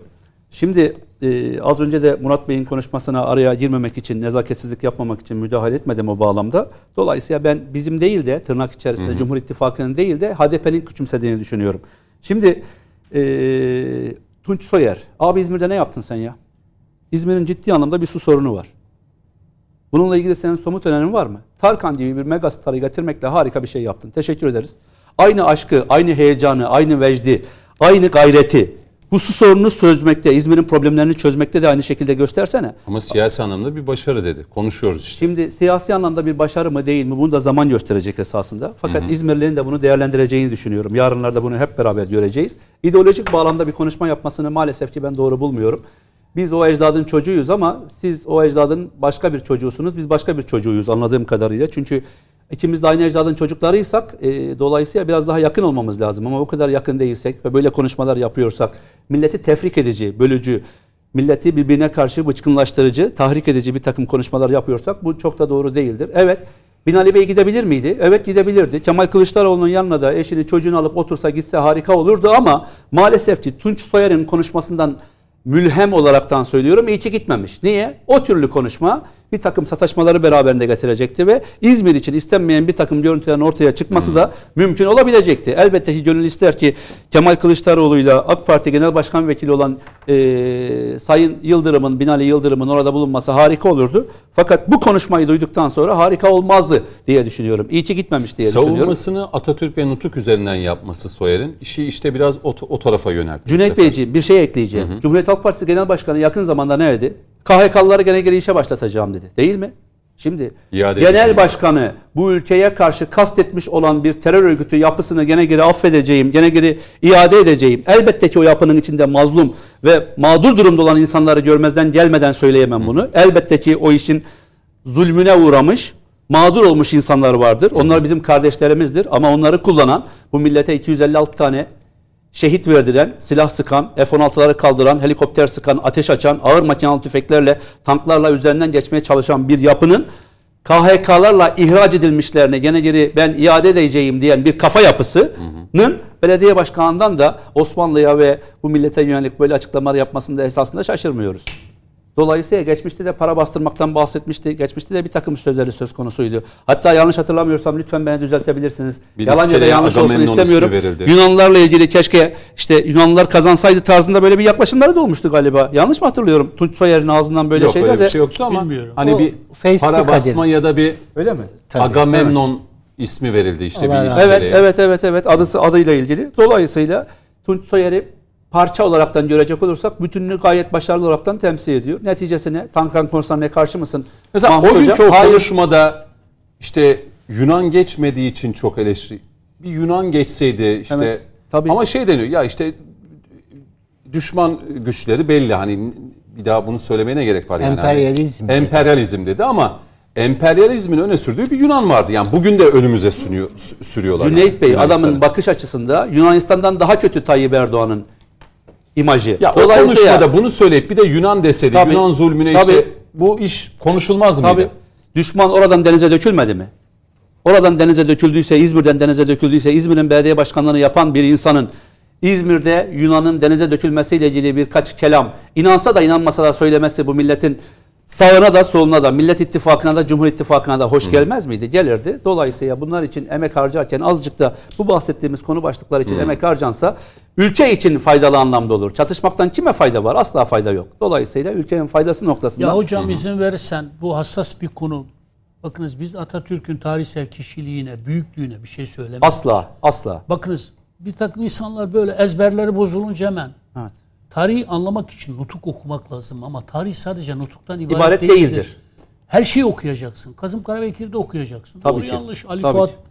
bunları söylüyoruz. Yoksa ama Atatürk orada kendine göre subjektif bir tarih okuması yapıyor. Kimine hain diyor, kimse. Kazım Karabekir'le çelişki yaşamasaydı Evet. Nutuk'ta başka türlü yer arayacak. Bu insani belki. bir şeydir bu. Şimdi burada İsmet İnönü'ye dair de Anadolu'nun hiçbir evresinde Evet. Erzurum Kongresi'nden başlayan süreçlerde çünkü o zaman zaten Osmanlı hükümetinde genelkurmayında üst düzeyde subaydı yani. Ankara hükümeti kurulduktan sonra Evet. bunları söylemek tarihsel bir gerçekliği ortaya koymak içindir. Yoksa İnönü'ye düşmanlık, Atatürk'e düşmanlık asla değil. Tarihimizdeki hiçbir bir insan o de anlamda- herkesten rica ediyorum ya bizi dinlerlerken ideolojik ön yargılardan arınarak dinlesinler ya. Tarihten ya Vahdettin öyle yaptı böyle. Vahdettincilik yapmak, Atatürkçülük yapmak, Vahdettin'le Atatürk'ü karşı karşıya getirip tarihten yeni kinler devşirmeye gerek yok. Asla. Osmanlıcılık adına cumhuriyetçilik karşıtlığı yapmak, cumhuriyetçilik adına Osmanlı düşmanlığı yapmak bu artık önümüzü kesen şeyler. Buradan çıkalım. Cumhuriyetimiz var. Demokratik bir cumhuriyetimiz var. Ee, Atatürk artık bu ülkenin ortak bir değeri. Evet. Tarih okumalarımızı sadece Atatürk üzerinden yapmamıza da gerek yok. Kesinlikle. O, Bütün bunları söylerken tarihte çünkü farklı Atatürkler var hocam. Tahrik edici Yani şekilde bunları konuşmak camide konuşan, hutbede konuşan Tabii. Atatürk'e bakınız. Evet. Hilafetten çok hilafetçidir yani. Evet, halifeden evet, daha evet. çok halifetçidir. Evet, evet, evet, evet. Şimdi ama gün gelmiştir, hilafeti kaldırmıştır. Evet. Şimdi sen Atatürk'ün meclisi açarkenki konuşmasını efendim Atatürk böyle dedi ama e, bu Atatürk değildir, benim Atatürk'üm değildir diyemezsin. Tarih böyle okunmaz. Bizim anlattığımız şey bu. Bizi izleyen arkadaşlardan da rica ediyorum hemen böyle e, trollük yaparak Mehmet Metin Atatürk düşmanlığı, Değil, değil. İnönü düşmanlığı. Kimse düşmanlığımız yok. Biz düşmansız yaşayabiliriz ya. Keşke Ton Soyer Yunan mezalimini eleştirseydi. Evet. Orada şu sığlığa düştü. olmaz. Bakın Ve bunu da biz söylemeseydik de CHP yönetimi söyleseydi. Bakın Bizim belediye sırrı- başkanımızdır. Keşke Murat- şu Yunanistan'a da bir vurgu yapsaydı hoş olurdu. var ya o saray metaforu üzerinden Erdoğan'ı vurmak için Vahdettin de bu işin içine karıştırarak Evet. gereksiz bir şey. Ya Vahdettin dediğim 1918'de padişah olmuş. Zaten Dünya Savaşı'nda mağlup çıkmışız. İttihatçılar her şeyi berbat etmiş. Ya ülkeyi o hale getiren itaatçılara tek laf etmeyeceksiniz. Bütün suçu Abdullah- şey, Vahdettin'e yıkacaksınız. Böyle bir tarih okuması da yapın. Mehmet abi size ek olaraktan Cüneyt Bey çok, çok özür dilerim. Hemen Sadece alayım. bir cümle. Cemil Meriç Üstad'ın, Ama Üstadımızın söylediği gibi ideolojiler insan idrakine giydirilmiş deli, Deli gömlekleridir diyor. Dolayısıyla ideolojik bakış açısı her zaman hangi taraf bakarsa baksın insanları sıkıntılı ve yanlış sonuçlara götürüyor. Tarihten ders çıkartalım, kin devşirmeyelim. Evet. Şöyle Coşkun Başbuğ'a belki hani bu konuda söyleyecekleri vardır diye söz vereceğim 5 dakika. Tabii Tunç Ders Soyer bu- alalım. Tu- Tabii ders alalım. Mutlaka her şeyden ders alalım. Ama kin Yo, devşirmeyelim. yo. Yo, yo, Tunç ders alalım. bu Aynen, konuşmayı aynen. yaparken işte günümüz üzerine yani orada seçtiği kelime cümleler hiçbir şey değil de hepsi seçilmiş kelime ve cümlelerdi. Tabii o konuşmayı yaparken oraya gelen milyonlarca insanın da oradan apolitize olanlar var ama orayı da politize edip yuhalamalar, ıslıklamalar falan pek hoş olmadı. Hiçbir onu partinin söyleyeyim. belediye Evet. başkanları böyle Bu yapmamalı hoş bir kardeşim. şey değil. Bunlar Onu bir kere söyleyeyim kişisel anlamda. Bir konser Ee, üzerinden insan- siyaset yapmak. Cumhurbaşkanlığı forsuna yani koltuğa oturacak olan 16 tane imparator devleti temsil ediyor. Yani orada koltuğa oturan.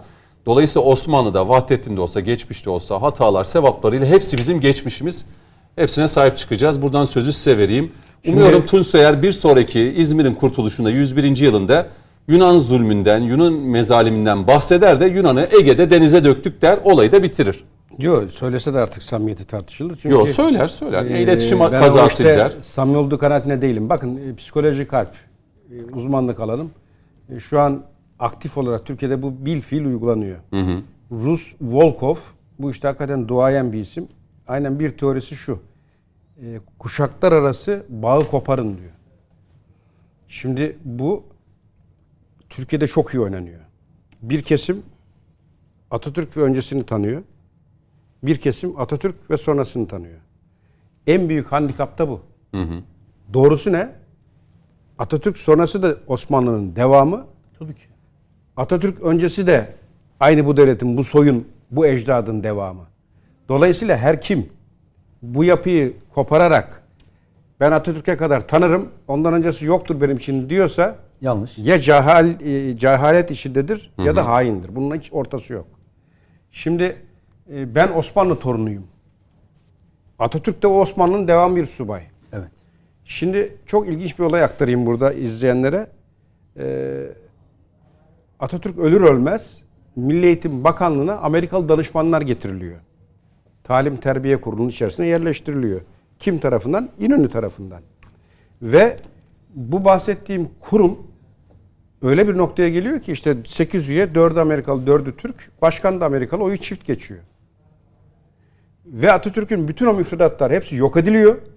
Yerine Ostrogotlar, Vizigotlar, Helen tarihi, bizim eski tarih bir anda yok edilerek Atatürk'ün elleriyle yazdırdığı o tarih kitapları bir anda yürürlükten kaldırılıyor. Ben o nedenle itidale davet ediyorum. Mesela Genelkurmay'ın ATS başkanlığı vardır. Odalar sığmaz. Osmanlı Osmanlı arşivi. arşivleri.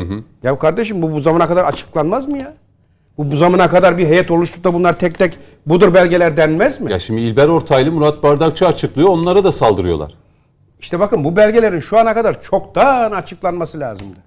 Benim mesela şahsi eleştirim. Yani biz cumhuriyetle yeni bir devlet kurmadık. Sadece siyasal reji- rejim değişikliğine gittik yani. İşte Devlet evet müddettir ya. Evet. Cumhuriyete geçtik yani. Saltanat basit. vardı. Rejim değiştirdik. Hilafet yani. Hilafeti vardı. saltanatı Cumhuriyet rejimi. O kadar. şimdi mesela Yeni çok bir devlet kurmadık yani. ilginç bir anekdot anlatayım. Atatürk benim önderim, kurtarıcım. Nutuk. Samimi söylüyorum bunları hep araştırdım ben e, zamanında. Son iki Atı- dakika. Atatürk dinsizdir. Bir anda Anadolu'da bu dedikodu yayıldı. Kasten yayıldı. Ben de Atatürk'ün yazdığı nutuktan meclisin açılış telgrafını buldum, çıkarttım, aldım aradan. Telgraf ne biliyor musun? Bir telgraf yazın diyor. Anadolu'nun her yerine çekin diyor. Yazıyorlar. Hiçbir şey bilmiyorsunuz diyor. Getirin kalemi diyor. Bir, 50 yazıyor. Bir, meclis kutsal günümüz olan Cuma günü açılacaktır. Evet. Doğru. İki, Hutbe, Cuma hutbesi. bu telgraf alın alınmaz Anadolu'nun bütün köylerinde, camilerden işte e, ezanlar okunacak, dualar edilecek camilerde açılacağı gün kurbanlar kesilecek vesaire yazıyor. Dört, Ankara Hacı Bayram Camii'nde diyor kılınacak. Cuma namazından sonra sakalı şerif de alınarak diyor. Meclis binasının önüne getirilecek. Evet. Burada diyor kurbanlar kesilecek, dualar edilecek. O fotoğrafın anlamı odur. Sonra meclis açılacaktır diyor. Şimdi ben bunu aldım. Şimdi bu şekilde meclis açsan irtica ortadı Ha, diyecekler. kesinlikle. Ben bunu aldım. Fotokopiledik ve diğerlerin önüne belge olarak koydum. Al dedim dinsiz adam bunu yapıyor. Evet. Şimdi bazı nutuklara daha sonra yıllar sonra böyle şahitlik edeceğiz. İşte soruyorlar. Bak diyorum getir. Bakıyorum o bölüm yenmiş. Bakın nutuk makaslanmış. Birçok yeri Ha, makaslandı ya. şimdi burada bana göre doğrusu şu. Ee, bir an önce bu Milli kayı- Şef zamanında nutuk yayınlanmadı ya. Heh, Yani ilk nüshasından sonra Milli Hadi Şef bitireceğim. Nutuk Yani baskıları yapılmadı biliyor musunuz? Taşıyorum. kelime Onu oyunlarıyla bilmiyorum da ben ilkokul, ortaokul, lise ben okudum. Hayır Milli Şef Böyle zamanında küçük küçük nutuklar vardı. şey, Okutuyorlar. okul yayınlanmadı yani. Ta Demokrat kelime Parti oyunlarıyla geldikten sonra. bir takım tuzaklara düşebiliriz. Bana göre doğru olan hocamın da ifade ettiği gibi ders olarak okutulmalı. Orada bir tarih anlatıyor çünkü. Nelerle mücadele ettiğini, nasıl bu cumhuriyeti kurduğunu anlatıyor. Ama kaynağına, özüne inerek. İşte o ben hep eleştiririm. ATS, ya yıllardır bu tercüme edilmez ve Osmanlıca bilen kalmadı. Ve Amerika Irak'ı işgal ettiğinde ilk yaptığı iş o bütün Tabii, o tabii, kütüphanelerin tabii. hepsini Amerika'ya taşımak oldu. Tarihi yok etmek oldu. Bitireceğim. Ee, yani bu tartışma e, uzar gider. Ee, keşke bunlar olmasa. Yani biz sevabıyla, günahıyla, Yani Atatürk'ü de CHP'nin değeri olmaktan çıkartmamız ya lazım. hepimizin Yani değeriyiz. Yani nasıl CHP'nin değeri olsun? Hepimizin şey değeri son, son cümlem olsun. Tunçsoyer Nutu ve şeyi e, örnek veriyor. Ya Atatürk gençliğe hitap ediyor bahsediyor. Memleketin bütün kaleleri zapt edilmiş. Tersanle girilmiş diyor. İşte ülkeyi yönetenler gaflet, delalet yani. Ya bu Atatürk'ün yeni nesle önünü görsün diye yazdığı bir mektup. Şu an tersanelerde harıl harıl denizaltılar yapılıyor, uçak gemileri yapılıyor, de, e, fırkateynler yapılıyor. Neyse uzatmayayım bunu. Yani orada çok maksatlı bir söylem Tamam. onu söylemek istiyorum. Ee, bu bitireyim. Tunçsoyer'in bir videosu dolaşıyor şu an. tamam. o- Agamemnon vesaire niye bu kadar hoşgörüsüzlük diyor. Sen Osmanlı'ya göster hoşgörüyü. Doğru, Sa- doğru. Ağzına doğru alev çıkıyor. Yani. Agamemnon'a gösteren hoşgörü Vahdettin'e de gösterilebilir. Ee, Coşkun Başbuğ teşekkür Ben ediyorum. teşekkür ederim. Ee, Murat Bey çok teşekkür ederim. Sağ olun geldiniz. Ee, aslında hani rakamları pek alamadık ama kafa kafaya giden bir süreç var değil mi? Evet, Anladım. Kafa Öyle, kafaya mı? öyle, öyle. Kafa kafaya peki. Mahmut Hocam teşekkür ederim. Ben teşekkür Mehmet ederim Bey teşekkür ederim. Ben Sağ olun. teşekkür Sizler de izle- izlediniz efendim. Programın tekrarı yine bu gece TVNet ekranlarında olacak. Önümüzdeki hafta yeniden görüşmek üzere. Hoşçakalın.